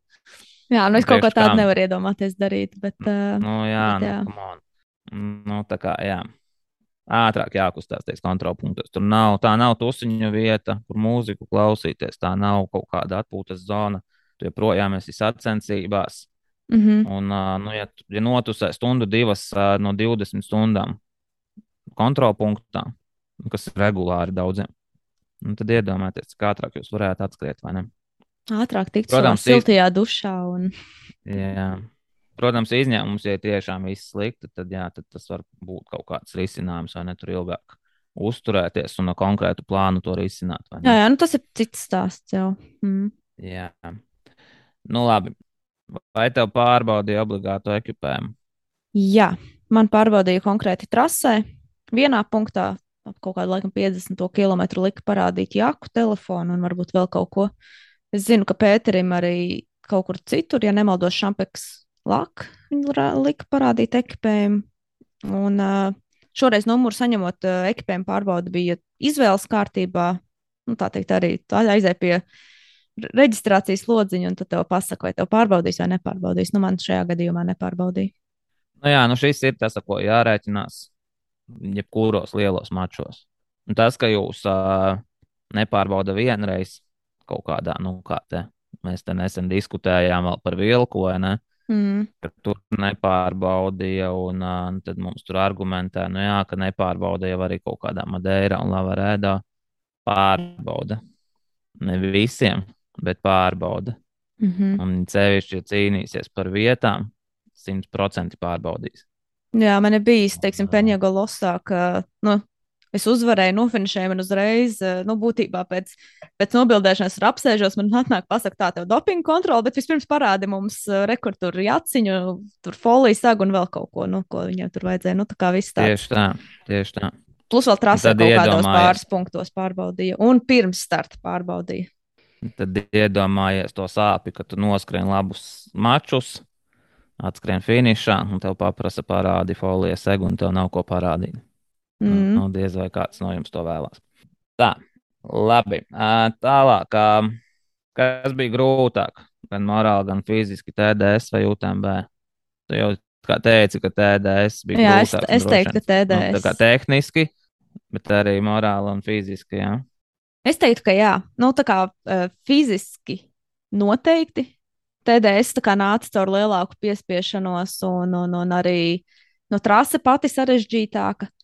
Nu šeit es teiktu, ka tas, uh, tas gan īsti nebija grūtums. Vienkārši tas, ka kā man no apnika tik daudz skriet, kā nu, es nenosaucu to par grūtumu. Tas, uh, tas citādāk tomēr, bet, nu jā, tā kā TDS tāda, nu, krietni sarežģītāka distance. Kaut kādos brīžos tas arī motivē tajā UTMB kustēties uz priekšu, ka tā kā ir tāds visu laiku tā kā, bet TDS bija grūtāks, nu šeit ir jākustās, šeit tā kā, nu nevar, nevar tik lēni kustēties kā tur. Nu, jā, tad Linda, nu, droši vien šeit šo mēs varam sasaistīt. Linda prasa, par ko tu domā, veicot UTMB 30 stundu garumā, un kā motivē sevi nepadoties. Uz to nepadošanos ir vieglāk atbildēt. Man laikam spēcīgākā motivācija bija vienkārši pabeigt to apli, nonākt atpakaļ šamanī, lai es varu to vairs nekad vairāk nedarīt. Nu, ka vienkārši ir ievilkts ķeksīts pie UTMB, un, uh, un, ja es to nevēlos, varu vairāk šajā distancē neatgriezties. Tas tāds tā kā, nu, principā šajā sērienē, jā, man tas finišs bija tas primārais mērķis. Protams, bija arī kaut kādas, nu, tur uh, ambīcijas par kaut kādu laiku un vietu, bet uh, tās šoreiz, varētu teikt, bija otršķirīgas. Tā kā svarīgāk bija tieši tas finišs. Bet par ko es domāju? Es domāju par šo jautājumu un sapratu, ka nu, tas ir tik grūti atbildēt. Nu, tā kā jau tāds jūtas, ka tā nav, nav kaut kā, par ko es domāju. Nu, tur, nu, principā kaut kas par, kur likt kāju, nu, tādā līmenī, vai ka rekur kāpums un cik man tur palicis, vai kāds noskrējiens, vai kad kaut ko apēst, vai apēst, vai sāls tableti kaut kādai dziesmai. Tur trīs stundas dziedu līdzi un mēģinu atcerēties vārdus. Nu, tādas, uh, nezinu, normālas domas par dzīvi tur īsti nav. Tur vienkārši ir kaut kāds, kaut kāds randoms par tematu ultraskriešana. Labi. Tad tālāk, manuprāt, ļoti sarežģīts jautājums. Trīs lielākās atšķirības starp 100 km ultra un 100 jūdžu ultra. Ko, ko pieliksi treniņos? Nu, laikam tas, nu, tas simts jūtas, tā kā nu, ir bišķītiņ cits mindsets, tā kā kaut kā ir jāsaprot, ka, nu, man vismaz tā sajūta palika, ka tā kā liekas, ka tā distance ir nenormāli gara, bet patiesībā, nu, tā, tas slodzes sadalījums nav nemaz tik atšķirīgs no kaut kādas 100 km ultras. Nu, savā ziņā es varētu piekrist uh, nu, uzvarētājai Keitijai Šai. Nu, es klausījos viņas interviju, viņa teica, viņa, teiksim, trīs reizes skrējusi UTMB. Iepriekšējās divas reizes viņa skrēja un sākumā, nu, teiksim, taupījās, lai tā būtu tās beigas tā labākas. Un nevienu reizi viņai nebija labs starts. Viņa tur vienreiz sastāvā skrēja, vienreiz astotā.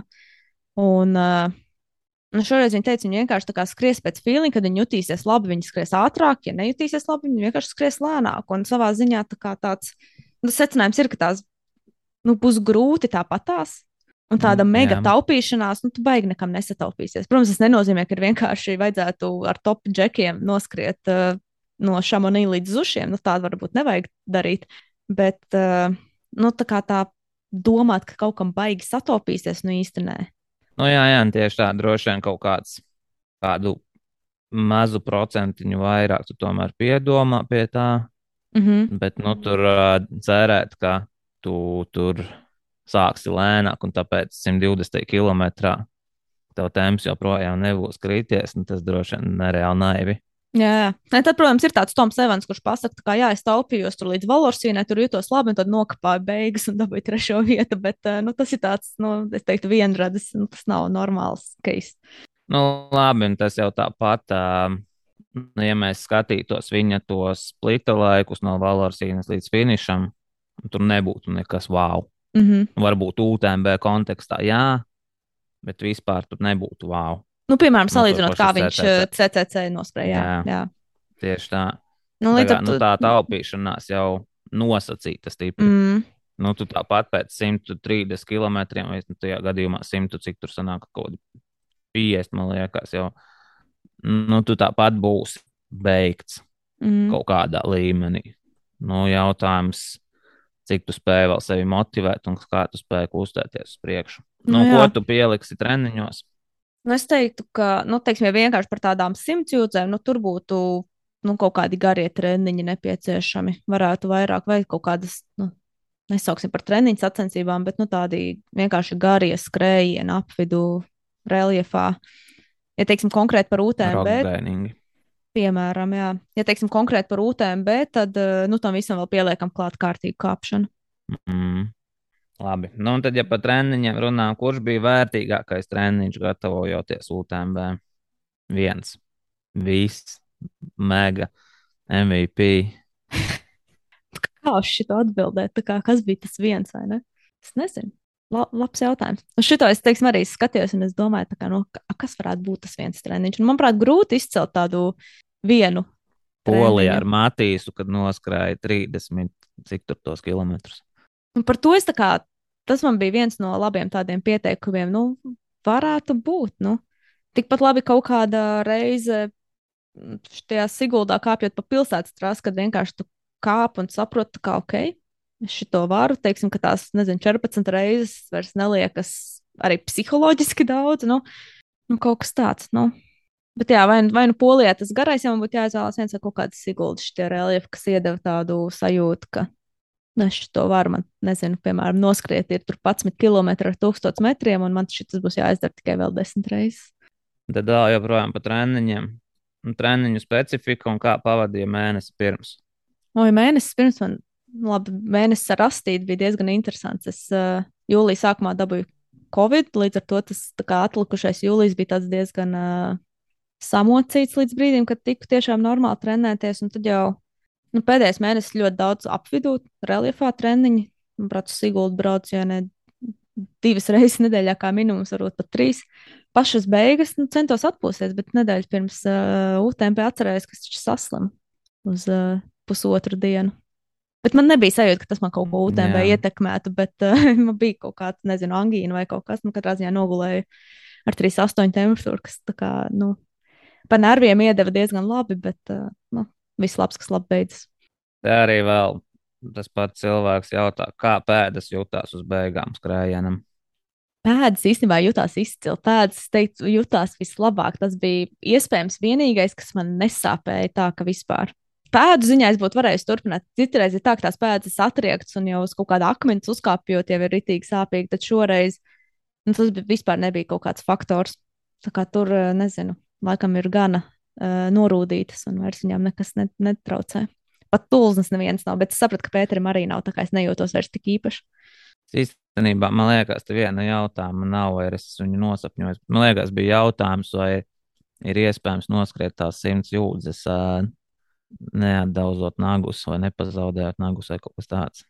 Ah, bija kaut kas tāds iespējams, jā.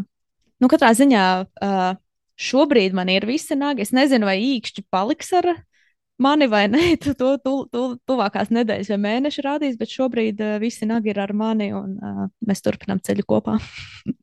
bet atdauzīt īkšķi bija pamatīgi. varētu Par, es varētu par savu vilku un saviem mīkšķiem te stāstīt, bet tur droši vien, ja bērni klausās, tad labāk nē. Jā, es arī, nu, es bildes Ām. netaisīju ar savu īkšķi otrajā dienā, bet, nu, es pirmo reizi dabūju to, ka tā kā nāk strūtas ārā, un man bija tāds, ok, šis ir tā kā nākamais līmenis. Bet viņš ir ar mani un izskatās Jā. normāli tagad, tā kā viss kārtībā. Nē, nu, ja nāc uz trūtes ārā, tad um, es tev varu no pieredzes pateikt, ka Tas ir laika jautājums, es zinu. viņš nav vairs ar tevi, pat ja tev liekas, ka viņš ir ar tevi. Viņš vienkārši nav vēl to Tā. paziņojis man. Jā, jā.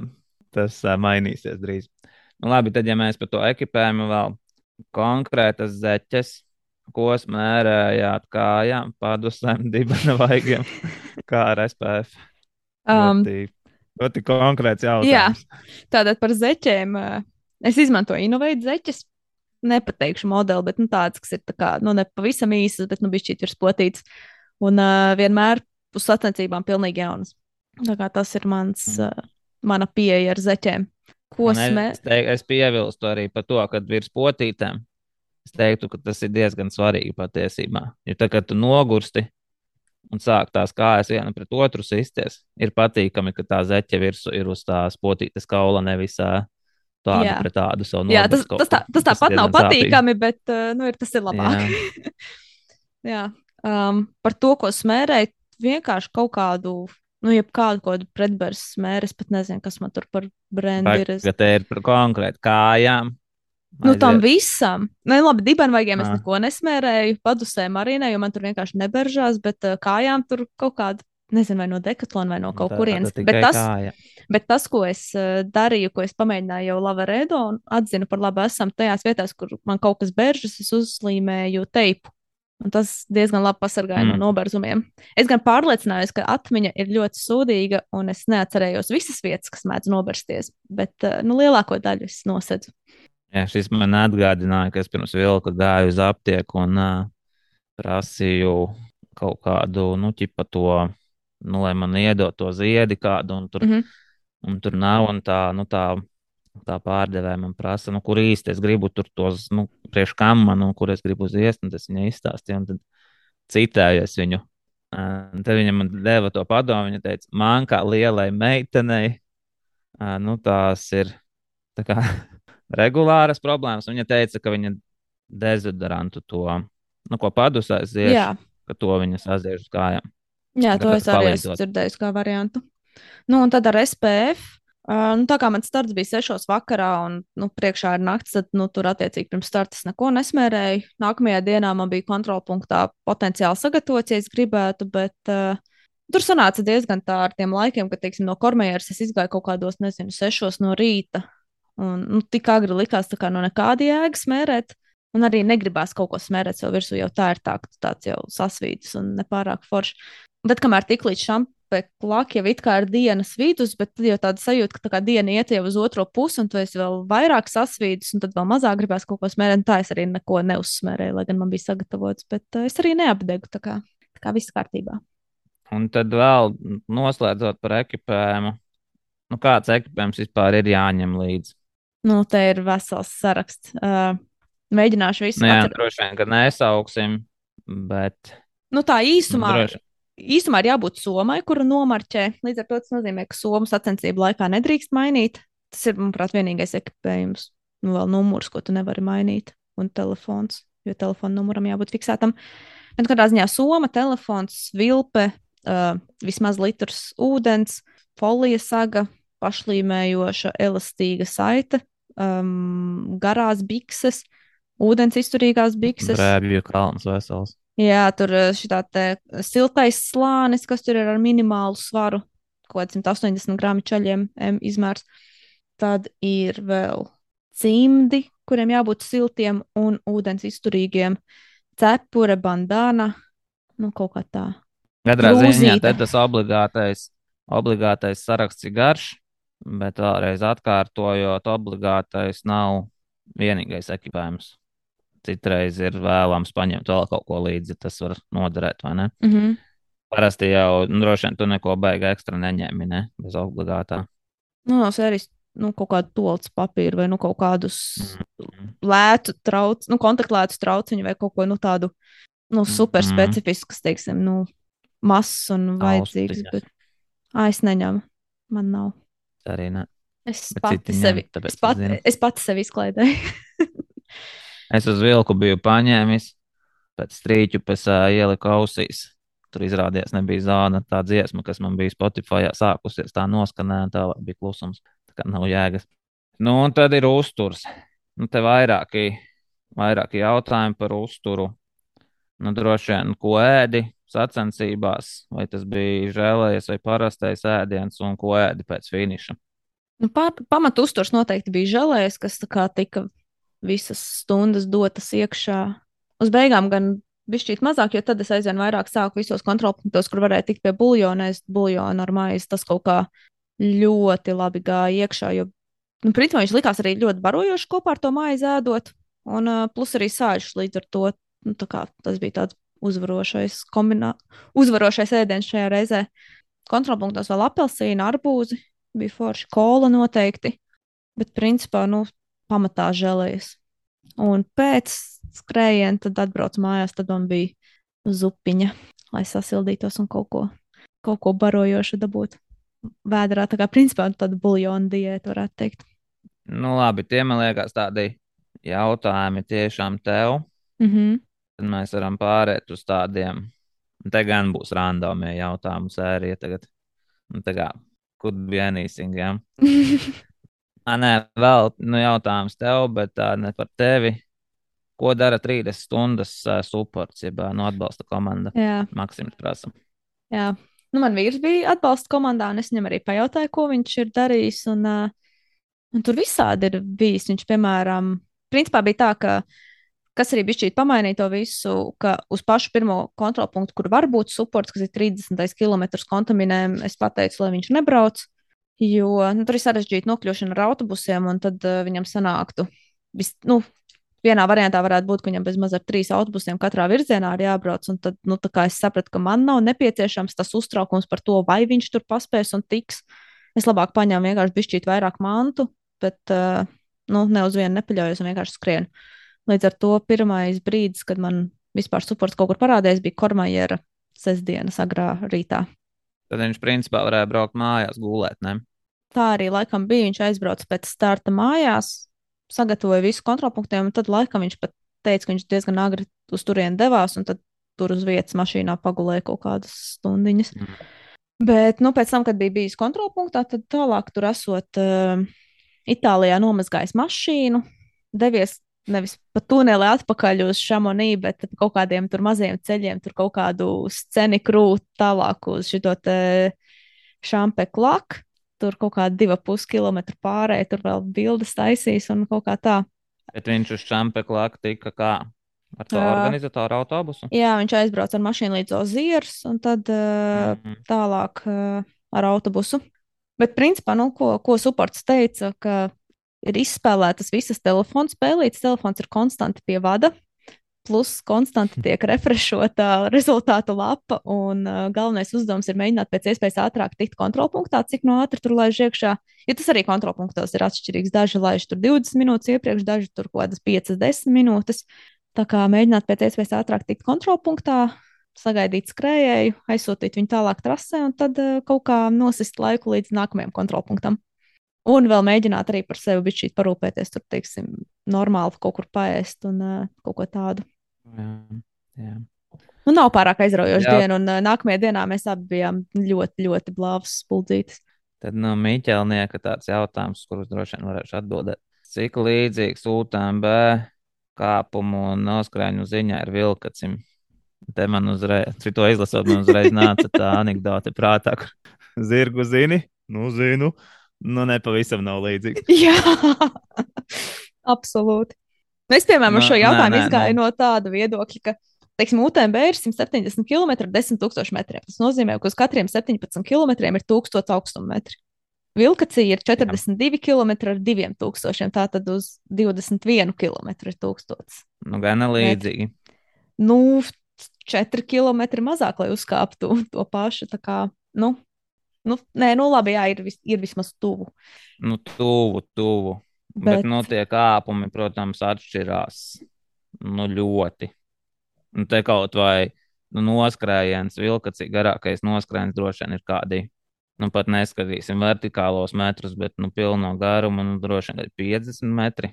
Nu, Kaut kas tāds, un tur nezinu, zem minūtes. Nu, jā, no stabili zem minūtes. jebkas. Nu, tādā UTMB tik līdz tu ieskrien no Itālijas, Šveicē, tu esi tādā kaldeferē, kas ir tur kaut kāda 2000 metri bez galvas. Un tad tu skrien lejā, man liekas, kādus nu, 17 gandrīz- km, manuprāt, Jā, tāds. gandrīz 20 km tu skrien tikai uz leju. Nu, varbūt kaut kāds pa vietai ir kāds metrs uz augšu, bet, nu, principā tu, tu visu laiku skrien uz leju. Nu, un tad uh, zem minūtes jāsalīdzina ar to, ka tu to darīji kādas divas stundas, piemēram. Mm. Vai, nu, droši vien vēl ilgāk. Jā, man patīk, nē, teiksim, nav līdzīgi. Jā, man patīk, man garminā, un, teiksim, rāda, cik man ir, nu, teiksim, priekšā noskrējiens ar cik metriem, un tad ir tas brīdis, viņš nespēja parādīt četru ciparu skaitli, tad viņš rāda, ka, piemēram, noskrējiens ir 200 metri, noskrien tos 200 metrus, un tad viņš beidzot parāda, ah, un vēl 999. nu, tā. Tad ar tavu vīru jau pieminēju, viņam arī jautājums, kad Andris skries UTMB. Nezinu, Andris, kad skries UTMB. Andris īstenībā par UTMB nav. Šogad nebija baigais stārā, sekojot līdzi, un ļoti daudzas lietas ar katru gadu ar vien vairāk nepatīk. Nu, un te daudz, daudz lietas var pieminēt. Gan, nu, gan tās, kā tiek ap, apbalvoti tie sportisti par sasniegumiem. Nu, ņemot vērā, cik tas pasākums ir liels, un tur pirmā vietā jūtām, bet cik ir balva 3000 eiro. Tas ir reāli skumja, skumja summa. Mm. Nu, es nezinu, disgolfu skatos, kas liekas vispār kaut kāds pseido sports. Un tur kaut kādā parastā turnīrā tikko čalis vinnēja 11,000. Un tur naudu dabū kāda 40. Te dabū mm. 10, vai ne? Un tad tas 10, dabū 500, nu pa 500, tu principā sev pat tā viesnīcas izmaksas nenosec. Jā. Nu, un arī pa 3000, ja tu brauc pa savu naudu, tad. Uh, Nu, Nu, to budžeta variantā bet- tāds tā, tā, tā knapi. Nu, jā, bet nu, tas nav tā, ka tu tur mm. naudu pēc tam nezini, kur bāzt. ne? Un nu, tas pats arī, nu, labi, tur tā nauda, tas varbūt mazāk. Nu, un tā pati kaut vai arī nu, tā sistēma tagad ar tikšanu uz turieni, ka, ja tu tiec trīniekā, nu, piemēram, kā tu vai ir, tad tikā tur iztrijā, tad tu vari dabūt to dalību UTMB. Ja tev jāsamaksā vēl. neviens jau tikai tev jāsamaksā, kas man liekas vispār nonsens pilnīgs. Nu, tad, tā, tad tu vinna iespēju samaksāt. Ok, varbūt tur uz tā loterijas fona tas izklausās ā, vienalga krūta, bet nu, mēs runājam par elites sportistiem, vai ne? Un nu, tā visa autobusu sistēma, kas šogad bija, nu, tas bija vienkārši bardaks. Nu, tur daudz ciet arī mūsējie. Un, un uz dažiem nemaz nebūtu paspēts, ja tur viss būtu tā kā skrietos, kā vajag, vai ne, un tā tālāk. Nu, tā kā, nu, un viss tas ir tik komerciāls un tik, tik jau pa lielu man kaut kā kļuvis, ka es neesmu nemaz drošs, ka es gribu skriet UTMB. Mm. Nu, gan jau es kaut kad sagribēšu atkal. Iespējams, man vienkārši jāaizbrauc tur klātienē un atkal tā sajūta jānoķer, vai ne? Nu, Bet, jā, principā ir tādas ļoti, ļoti duālas sajūtas, ka no vienas puses tā visa organizācija, un tā kā, nu, tas ir itīgi besī, bet uh, tāpat laikā tu aizēji uz to startu, un tas viss aizmirstās, un tas viss skrējiens ir tik fantastisks, un tad tu noskrien un atkal tāds, ai, man atkal besī. nu, nu nu, tā. jā, jā, kaut kā tā. Līdz ar to, tā kā, nu, es. uh, Love and hate tās jā. Jā, un šobrīd es teiksim, ļoti priecājos, ka teiksim, to savu bucket listu esmu izdarījusi un redzēs, kad es atgriezīšos UTMB. Nākamais randāmais jautājums. Paulis jautā, kā jums parādījās mīlestība skriešanai un ultramaratonam? Nu, skriešanai, es teiktu, man jau no pašas bērnības nu, iesūtīja vecāku meža orientēšanos un sapratu, ka patīk skriet, tikai nepatīk meklēt punktus. Tad atradu taku skriešanu. Sapratu, ka tur nav jāmeklē punkti, tur tikai vienkārši jāsako marķējumam. Un uh, kaut kādā laikā sapratu, ka patīk skriet ilgi. Nu, tas tāds īsais stāsts. Nu, jā, man tāpat. Ā, nu, izņemot to, ka ne bērnībā, bet nedaudz vēlāk. Un uh, punktus arī joprojām nemāku atrast. Nu, tos nevis UTMB punktus, bet uh, orientēšanās punktus. Un Tad, Es uh, pat vairs nemēģinu, nē, es ja viņi nav pamēģinu. pilsētā. Tad mīcīts prasa. No šogad viņam es varēšu arī atbildēt. Kāpēc Tirnubuki nav itrā? Tirnubuki nav itrā. Nu, tas droši vien jautājums vairāk kā pašam Tirnubukam, nevis mums. Nu, respektīvi, tā sistēma jau ir ļoti vienkārša. Itrā ir tas, viss tas, ko organizatori atsūta. Ja organizators kaut ko neatsūta, tad tā itrā nav. Nu, ja ar izņēmumu ir UTMB pasākumi, jo UTMB itrai neko negrib sūtīt, bet itra saprot, ka bez UTMB pasākumiem tas itra reitings Mm. būs. Arī īsti nevar. Nu, attiecīgi, nu, stirnu bukos, cik es esmu runājis, tur to vadību viņu, um, nu, arī man tur, respektīvi, tad uh, viņi kādreiz lika vienmēr pirmo posmu itrā. Un tā viņu loģika bija tāda, ka pirmais posms viņam jau ir laicīgi zināmas distances, nu, viss ir sagatavots. Nu, viņam tā bija tā vairāk nu, tā kā reklāmas nolūkos. Viņš ieliek vispirms kalendārā to stirnu buku, no itras, nu, pēc tam atsūta arī rezultātus. Un, um, nu, tā kā ar domu, ka, ja viņš ir kalendārā, uz viņu cilvēki var arī no citām zemēm ieraudzīt un pieteikties. Nu, Un ka uz nākamajiem posmiem, attiecīgi, viņi to nepaspēja, nu, to ielikšanu kalendārā izdarīt, tad liekas, kāda jēga. Nu, un tad, uh, nu, par šo mēs esam tur ik pa laikam runājuši, un ik pa laikam es viņus tur paskubinu, un tad kaut, ko, kaut kas notiek, un tad atkal nenotiek. Nu, labā ziņa, ka šobrīd vilks ir itrā.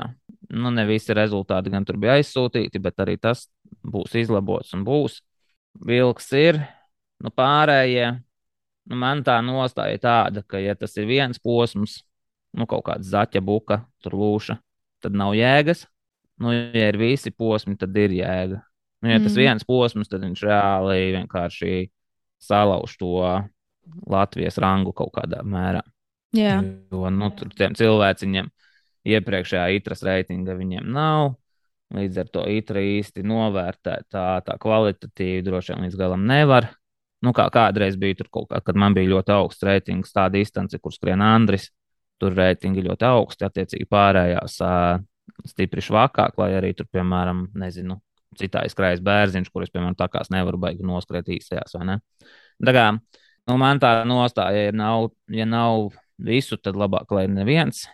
Nu, un tad, attiecīgi, nu, no stirnu buka puses droši vien nu, jāsaprot, ka tās ir papildus izmaksas, papildus resursi un tā tālāk. Bet, nu, kopumā tas, protams, ir jautājums viņam. Izdarāms mm. tas noteikti ir. Itra pretī ņemtu droši. Nu, tad ir jautājums, cik ļoti gribās tajā ieguldīties. Vai tam ir jēga kaut kāda. Teorētiski jēga var gadīties, ka ir. Nu, ja kādam no tā augstāks reitings tiek, un viņš uh, tā var tikt uz bezmaksas kaut kur uz kādām sacensībām, vai, vai, vai reģistrēties kādām sacensībām, nu, tad es domāju, ka tam jēga ir. Bet tā, nu, tas jau tā. Un tad uh, nākamais randomais jautājums. Kādi varētu būt iemesli tik atšķirīgiem Latvijas skrejai rezultātiem starp 21 un 22 gadu? Nu, nesagāja vienkārši.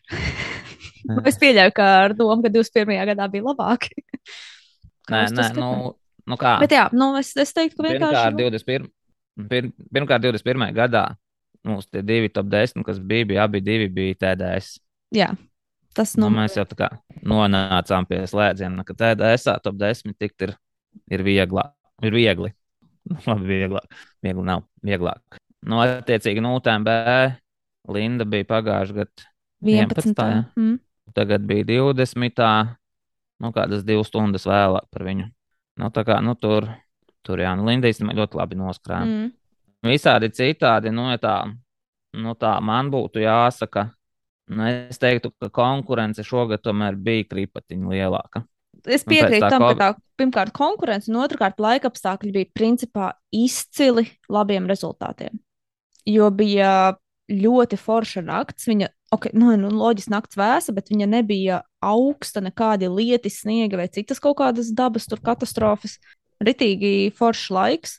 Ok, pa dienu bija bijis siltāks, bet arī nu nekas tāds, nu, tur nekādi plus 30 vai kaut kas tāds. Līdz ar to nu, tas jau arī daudziem palīdz tikt uz priekšu, ka viņi vienkārši nezina, vai nav pārsiluši vai pārkarsuši. Jā, daudziem izņemot latviešus. Jā. Nu, visu nevar nu, vēlēties. jā, nu, visu nevar, jā. Nu, kaut kādā ziņā jau grūti atbildēt, bet man liekas, ka tā konkurence tomēr bija lielāka. Jo iepriekš tas Covid, pēc Covid tomēr nu, bija kaut kas tāds nedaudz, man liekas, procentiņš, kas neaizbrauca kaut kādu iemeslu dēļ. Kaut vai tā pati Āzija un Amerika noteikti bija stipri mazāk.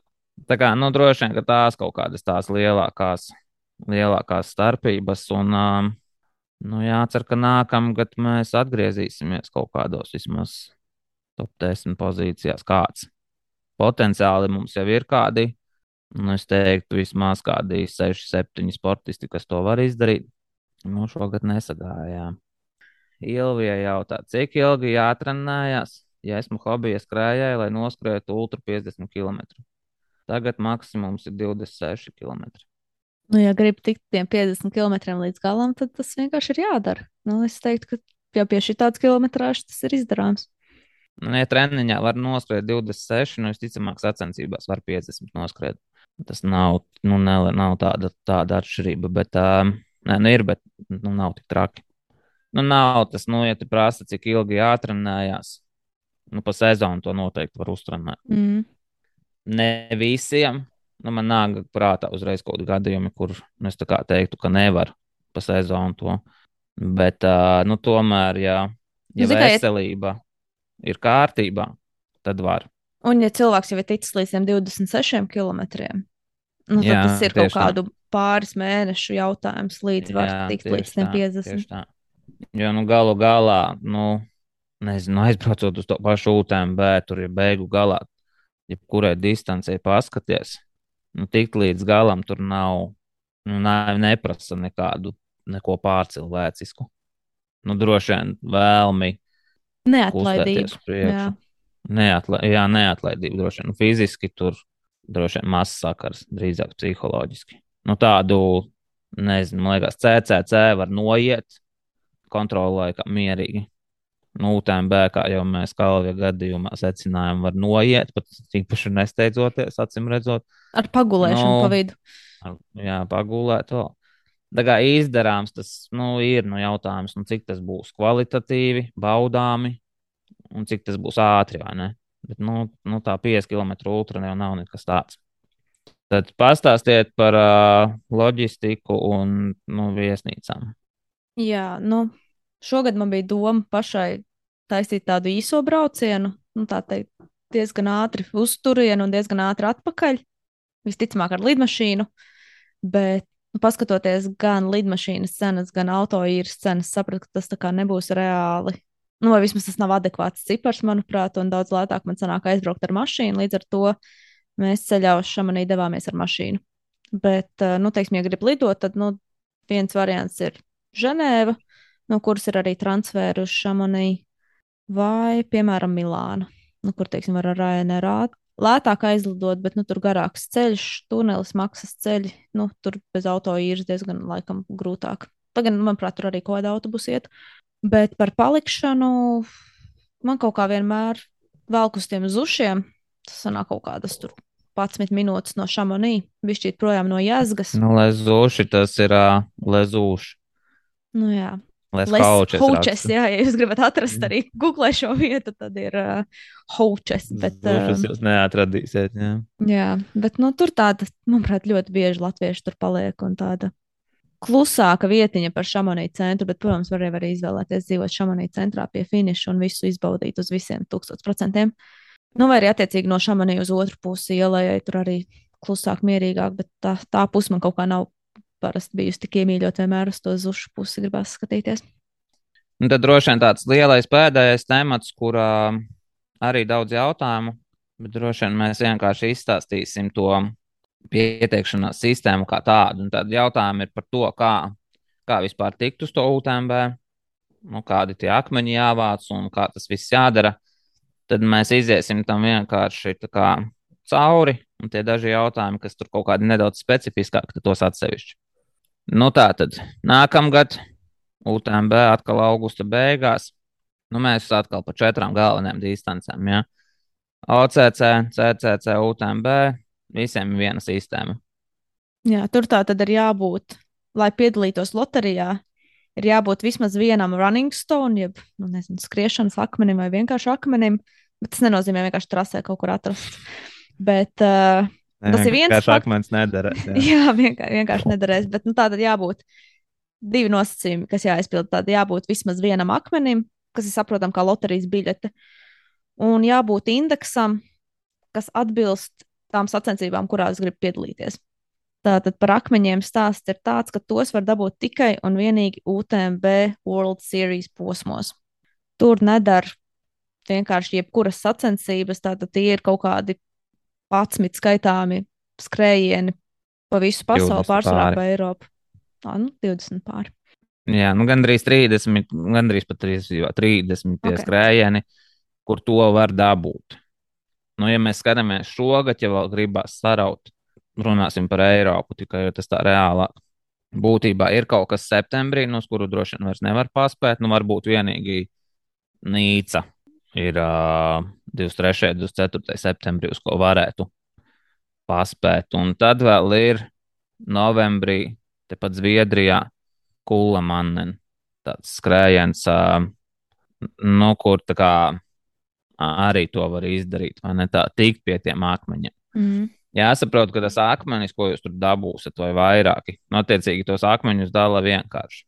Ja jūs noskrienat uh, simts jūžnieku šādā skrējienā, jūs dabūjat četrus akmeņus, 100 km, 3, 5 km, 2. Un, ja jūs noskrienat īso distanci, 20 km, jūs dabūjat vienu akmeni. Nu, tā tad tās ir jūsu loterijas biļetes. Nu, attiecīgi, viena, divas, trīs, četras, vai ne? Nu, ja jūs noskrienat vairāk uz pasākumus, jums tie akmeņi tā tad ir vairāk. Nu, piemēram, jūs esat tieši četriem akmeņiem piesakāties, piemēram, uz UTMB. Nu, tad jums šajā loterijā uz UTMB ir četras biļetes. Ja jūs veicās un jūs tiekat iekšā, jums tie visi akmeņi pazūd, nu, un jums attiecīgi ir starts UTMB. Ja jums neveicās un jūs netiekat UTMB, jums tie akmeņi paliek. Un viņi tā kā nekad nedzēšās, bet ar vienu noteikumu. Lai pieteiktos loterijā, kādam no tiem akmeņiem jābūt savāktam pēdējo divu gadu laikā. Mm -hmm. Nu, tā tad, ko tas nozīmē? Jūs nevarat tagad 2022. gadā, piemēram, savākt desmit akmeņus, un tad līdz pensijai pieteikties loterijā. un cerēt, ka kaut kad jau mm. paveiksies. Un tā tad ik, ik pa diviem gadiem tāpat jums būs šie akmeņi jāatjauno. Cik tā loterija šobrīd ir teiksim, tā liela un cik būs grūti tikt iekšā, par to ļoti grūti spriest. Jo šī jauna sistēma, kāds bija arī jautājis nu, par to loteriju statistiku, nu, mums šobrīd nav informācijas, nu, ko te daudz pastāstīt, vai ne? Jo tā sistēma būs jauna. Jā, un kaut kādām iepriekšējo gadu statistikām tas varētu būt pilnīgi neaktuāli. Nu. Nu, jā, tas šobrīd nav vairs, nav vairs mm. aktuāli. Tātad jums vajag šos akmeņus. Ar akmeņiem jūs varat uh, piedalīties loterijā. Nu, tad, lai loterijā piedalītos, jums vajag būt arī šim UTMB indeksam. Nu, UTMB indeksu var dabūt gan šajās pašās sacensībās, kur jūs dabūjat akmeņus, gan arī jebkurās citās sacensībās, kas ir UTMB mājaslapā. Nu, piemēram, Sigūdas kalnu maratons. Tā, tad, nu, piemēram, Siguldā jūs noskrienat 70 km, jūs dabūjat indeksu 5 km kategorijā, kas jums ļauj, ja jums ir akmeņi, pieregistrēties uz loteriju vai no OCC vai no CCC. Mm. Nu, tā tad kāda ir tā sistēma? OCC der jebkurš no šiem indeksiem, gan 20, gan 50, gan 100 km, gan 100 jūdzes. CCC der 50 km, 100 km, 100 jūdzes, un UTMB der 100 km un 100 jūdzes. Un tam jābūt arī noskrietam iepriekšējo 24 mēnešu laikā. Jā, tā arī, arī nedara, tie ka... paši jā, divi, divi gadi. Reģistrācija jau ir atvērta uz nākamo gadu, jau kopš jūnija. Tātad jūs savā UTMB.world lapā varat ie, ieiet, paskatīties, savā profilā, vai jums ir akmeņi. Nu, brīnumainā kārtā jau viņi tur neuzradīsies, bet, ja nu, kāds ir kaut ko skrējis, piemēram, nezinu, īstriju vai, nu, tur, nezinu, lavarēdo un tā tālāk, no joprojām tie akmeņi tur būs. Tas uzreiz jums ļaus kā, pieregistrēties loterijai uz kādu no šiem trīs sacensībām, vai no OCC, vai no CCC, vai UTMB. Nu, atkarībā no tā, kāds, kur, kurās kategorijās jums ir tas indeks, no kuras distances jūs esat skrējuši. Kas attiecās uz TDS. Vēl jā, un tad at, atgriežoties. Nu, atgriežoties pie tā OCC, CCC un uh, UTMB, tā, tas ir jāizdara līdz 31. decembrim. Līdz 31. decembrim ir pieteikšanās, pēc tam janvāra sākumā ir loterija.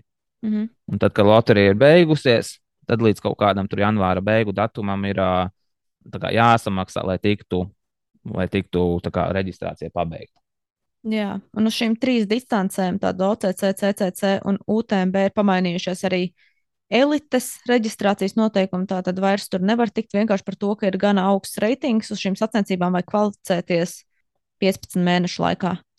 Tas nozīmē, ka vai nu šajos World Series eventos ir jāieskrien trešajā vietā, top trīniekā, nu, piemēram, tādā Istrijā vai, nu, kas, teiksim, tagad būs uh, Juliana Alps.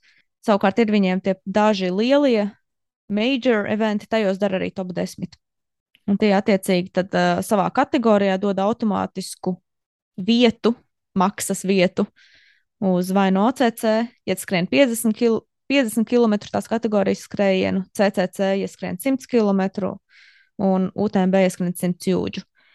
Tur ir minēts, ka potenciāli var arī šīs vietas mainīt uz citu kategoriju. Nu, piemēram, cilvēks ir dabūjis vietu OCC, viņš iespējams var dabūt arī vietu CCC, bet tas tad ir jārisina individuāli ar organizatoriem. Un, nu, var gadīties, ka nu, arī neļauj šo izdarīt. Nu, visticamāk, ja jums nav super augsts reitings, tad uh, šis nestrādās. Mm -hmm. Nu, ja jums tur ir nezinu, 900 citras, nu, tie 900 reitinga punkti, tad uh, droši vien jūs varēsiet skriet, ko gribat. Ja jums tur būs 700 vai, nu, es par džekiem runāju, vai ne, tad visticamāk, ko dabūjāt, tas būs jāskrien. Nu, kas attiecās uz TDS, šeit sistēma pavisam vienkārša. Janvāra sākumā verās vaļā pieteikšanās, kurš pirmais piesakās, piedalās. Tieši tik vienkārši. Jā, jābūt tikai derīgam indeksam, tātad 100 km vai 100 jūdžu kategorijā. Jā. Un tur arī elitē ir vecie noteikumi pēc reitinga punktiem. Nu, lūk, nu, un tad tie daži jautājumi, kas mums te varbūt šajā sakarā arī bija, bija uzdoti. Nu, tad, piemēram, skatos, kā Sigūdas kalnu maratonam ir UTMB indeks. Uz kādu distanci varu pretendēt noskrienot SKM 35 km. Nu, tātad atbilde te vienkārši ir. Tas būs tikai SKM 35 km, ne uz kādu nu, no šīm četrām galvenajām. Laikam tur uz kaut kādu to MCC. Nē, Nē, nē, nē viņam ir otrs noteikti 20 km indeks, līdz ar to viņš it kā dod OCC. Nē, ja tev ir tikai SKM, Mhm. bez neviena no akmeņa, Nu, jā, jā, tad tu ar to savu SKM vari iet ieskrieties. jā. Nevienam tas neinteresē. Ja tev ir akmeņi, jā, tad tu drīkst pieteikties uz OCC. Bet, nu, ja tev ir akmeņi, tad tev tas SKM nav vajadzīgs. jā tad viss dod uz tāpatās minimumu pakā OCC. Jā, minimums tāpat es izpildīju. Jā. Tā kā skriet tikai SKM, šobrīd nedod neko. Principā skriet tikai Latvijā šobrīd nedod neko. Jā, un attiecīgi arī Ivo jautājums. Varbūt varat izstāstīt, kas jādara, lai tiktu pie dalības kādā no distancēm, ja ārpus LV nav skriets. Neko. Jā. Nu, Vienīgi, labi, neko nē. vienīgais, ja ir, Ir skriets kaut kādi 2021. gada vilks, tā ir 100, 100 km sacensība, tad var piedalīties TDS nākamgad. Nu, jā. Bet, nu, principā tā normāli neko daudz tu nevarēsi izdarīt. Ja vien tu ne kaut kādus tos apkārtceļus, kas jau tur ir nu, ļoti dārgās dalības, mm. Mhm. nu, kas ir labdarības biļetes būtībā un tā tālāk. Standarta veidā ar vienkāršu skriešanu Latvijā nekas vairs nestrādās. Kas ir nākamā gada kvalifikācijas sacensības? Nu, tā tad UTMB.org lapā var redzēt tās ā, pasaules tūres visus mačus. Tur var apskatīties, tur var arī uzspiest pogu reģistru, tur ir arī parādīts, kur ir iespēja pieregistrēties šobrīd, kur nav pieregistrēties. Nu, tā tad, lai tiktu pie tiem akmeņiem, vai, vai, vai, lai tiktu tajā top 3, lai tiktu vēlāk, nu, tā kā automātiski. Nu, jebkurā gadījumā būs jāskrien tie UTMB sacensības. Mm. Nu, jā, kā cilvēki krāja akmeņus, nu, tā arī krāja brauc uz UTMB sacensībām. Nu, piemēram, mēs tagad pēc dažām dienām vedīsim grupu uz Sloveniju, uz Juliana Alps, uh, Trailrun, kur tā tad arī cilvēki, tie, kas finišēs, tiks pie šiem te skriešanas akmeņiem, kas vēlāk viņam ļaus pieteikties uz loteriju. Nu, un cik tas viss maksā? Nu, UTMB Nu. maksā 300 eiro ar mazu astīti. Jā, UTMB tāda 300 plus, OCC man liekas ap 100. Nu, tad CCC, TDS, nu, kaut kur tur pa vidu tā patiesība. Mm. Tā kā, nu, lēti tas nav, bet no to šeit arī jārēķinās. Nu, tas ir vēlreiz tāpēc, kāpēc es saku, ka tās 3000 nu, naudas balva pirmai vietai ir vienkārši smieklīgi, vai 500 ā, desmitai Vai vietai. ne? Tad knapi dalība nosacīta viena cilvēka. Nu, tā kā, jā. Nu, ko nu vairāk es tādus jautājumus baigi neredzu. Daudz mums viņu sanāca. Paldies, ka uzdevāt katrā ziņā. Ceru, ka citiem arī interesē tie jautājumi, kuru, kurus ir uzdevuši, uzdevis kāds cits, vai ne, un uh, palīdzēt tik nedaudz skaidrībā. Katrā ziņā mēs turpināsim ik pa laikam šādi likt. Ja ir atsaucība, mums pašiem ir vieglāk, ir par ko runāt. Nu, tagad grūti spriest, kad mēs atkal runāsim kaut ko. Nu, septembra beigas, oktobra sākums. Nu, kā atbrauksim no Slovenijas, tad jau atkal varēs kaut ko pastāstīt. Jā, nu, gan jau kāds viesis arī jāatrod Jā. ilgiem laikiem. Lai Cik, cik var tik- savā starpā, vai ne? Muldēt. Jā, jā, jā. Muldēt jau patīk. O, es neiebilstu. Labi. nu, labi. Tad jau šodien, Beig- šodien metīsim mieru. Jā, beigsim runāt, un tad jau tiksimies takās tūlītās tervetē, bet gan jau, ka Jā. tie, kuri būs uh, šo epizodu klausīsies, tad, kad viņi iznāks, tad jau visticamāk nākamās Latvijas takas būs jau Siguldas kalnu maratons, kur varēs tikties. Jā, tiekamies tur. Čau! Čau!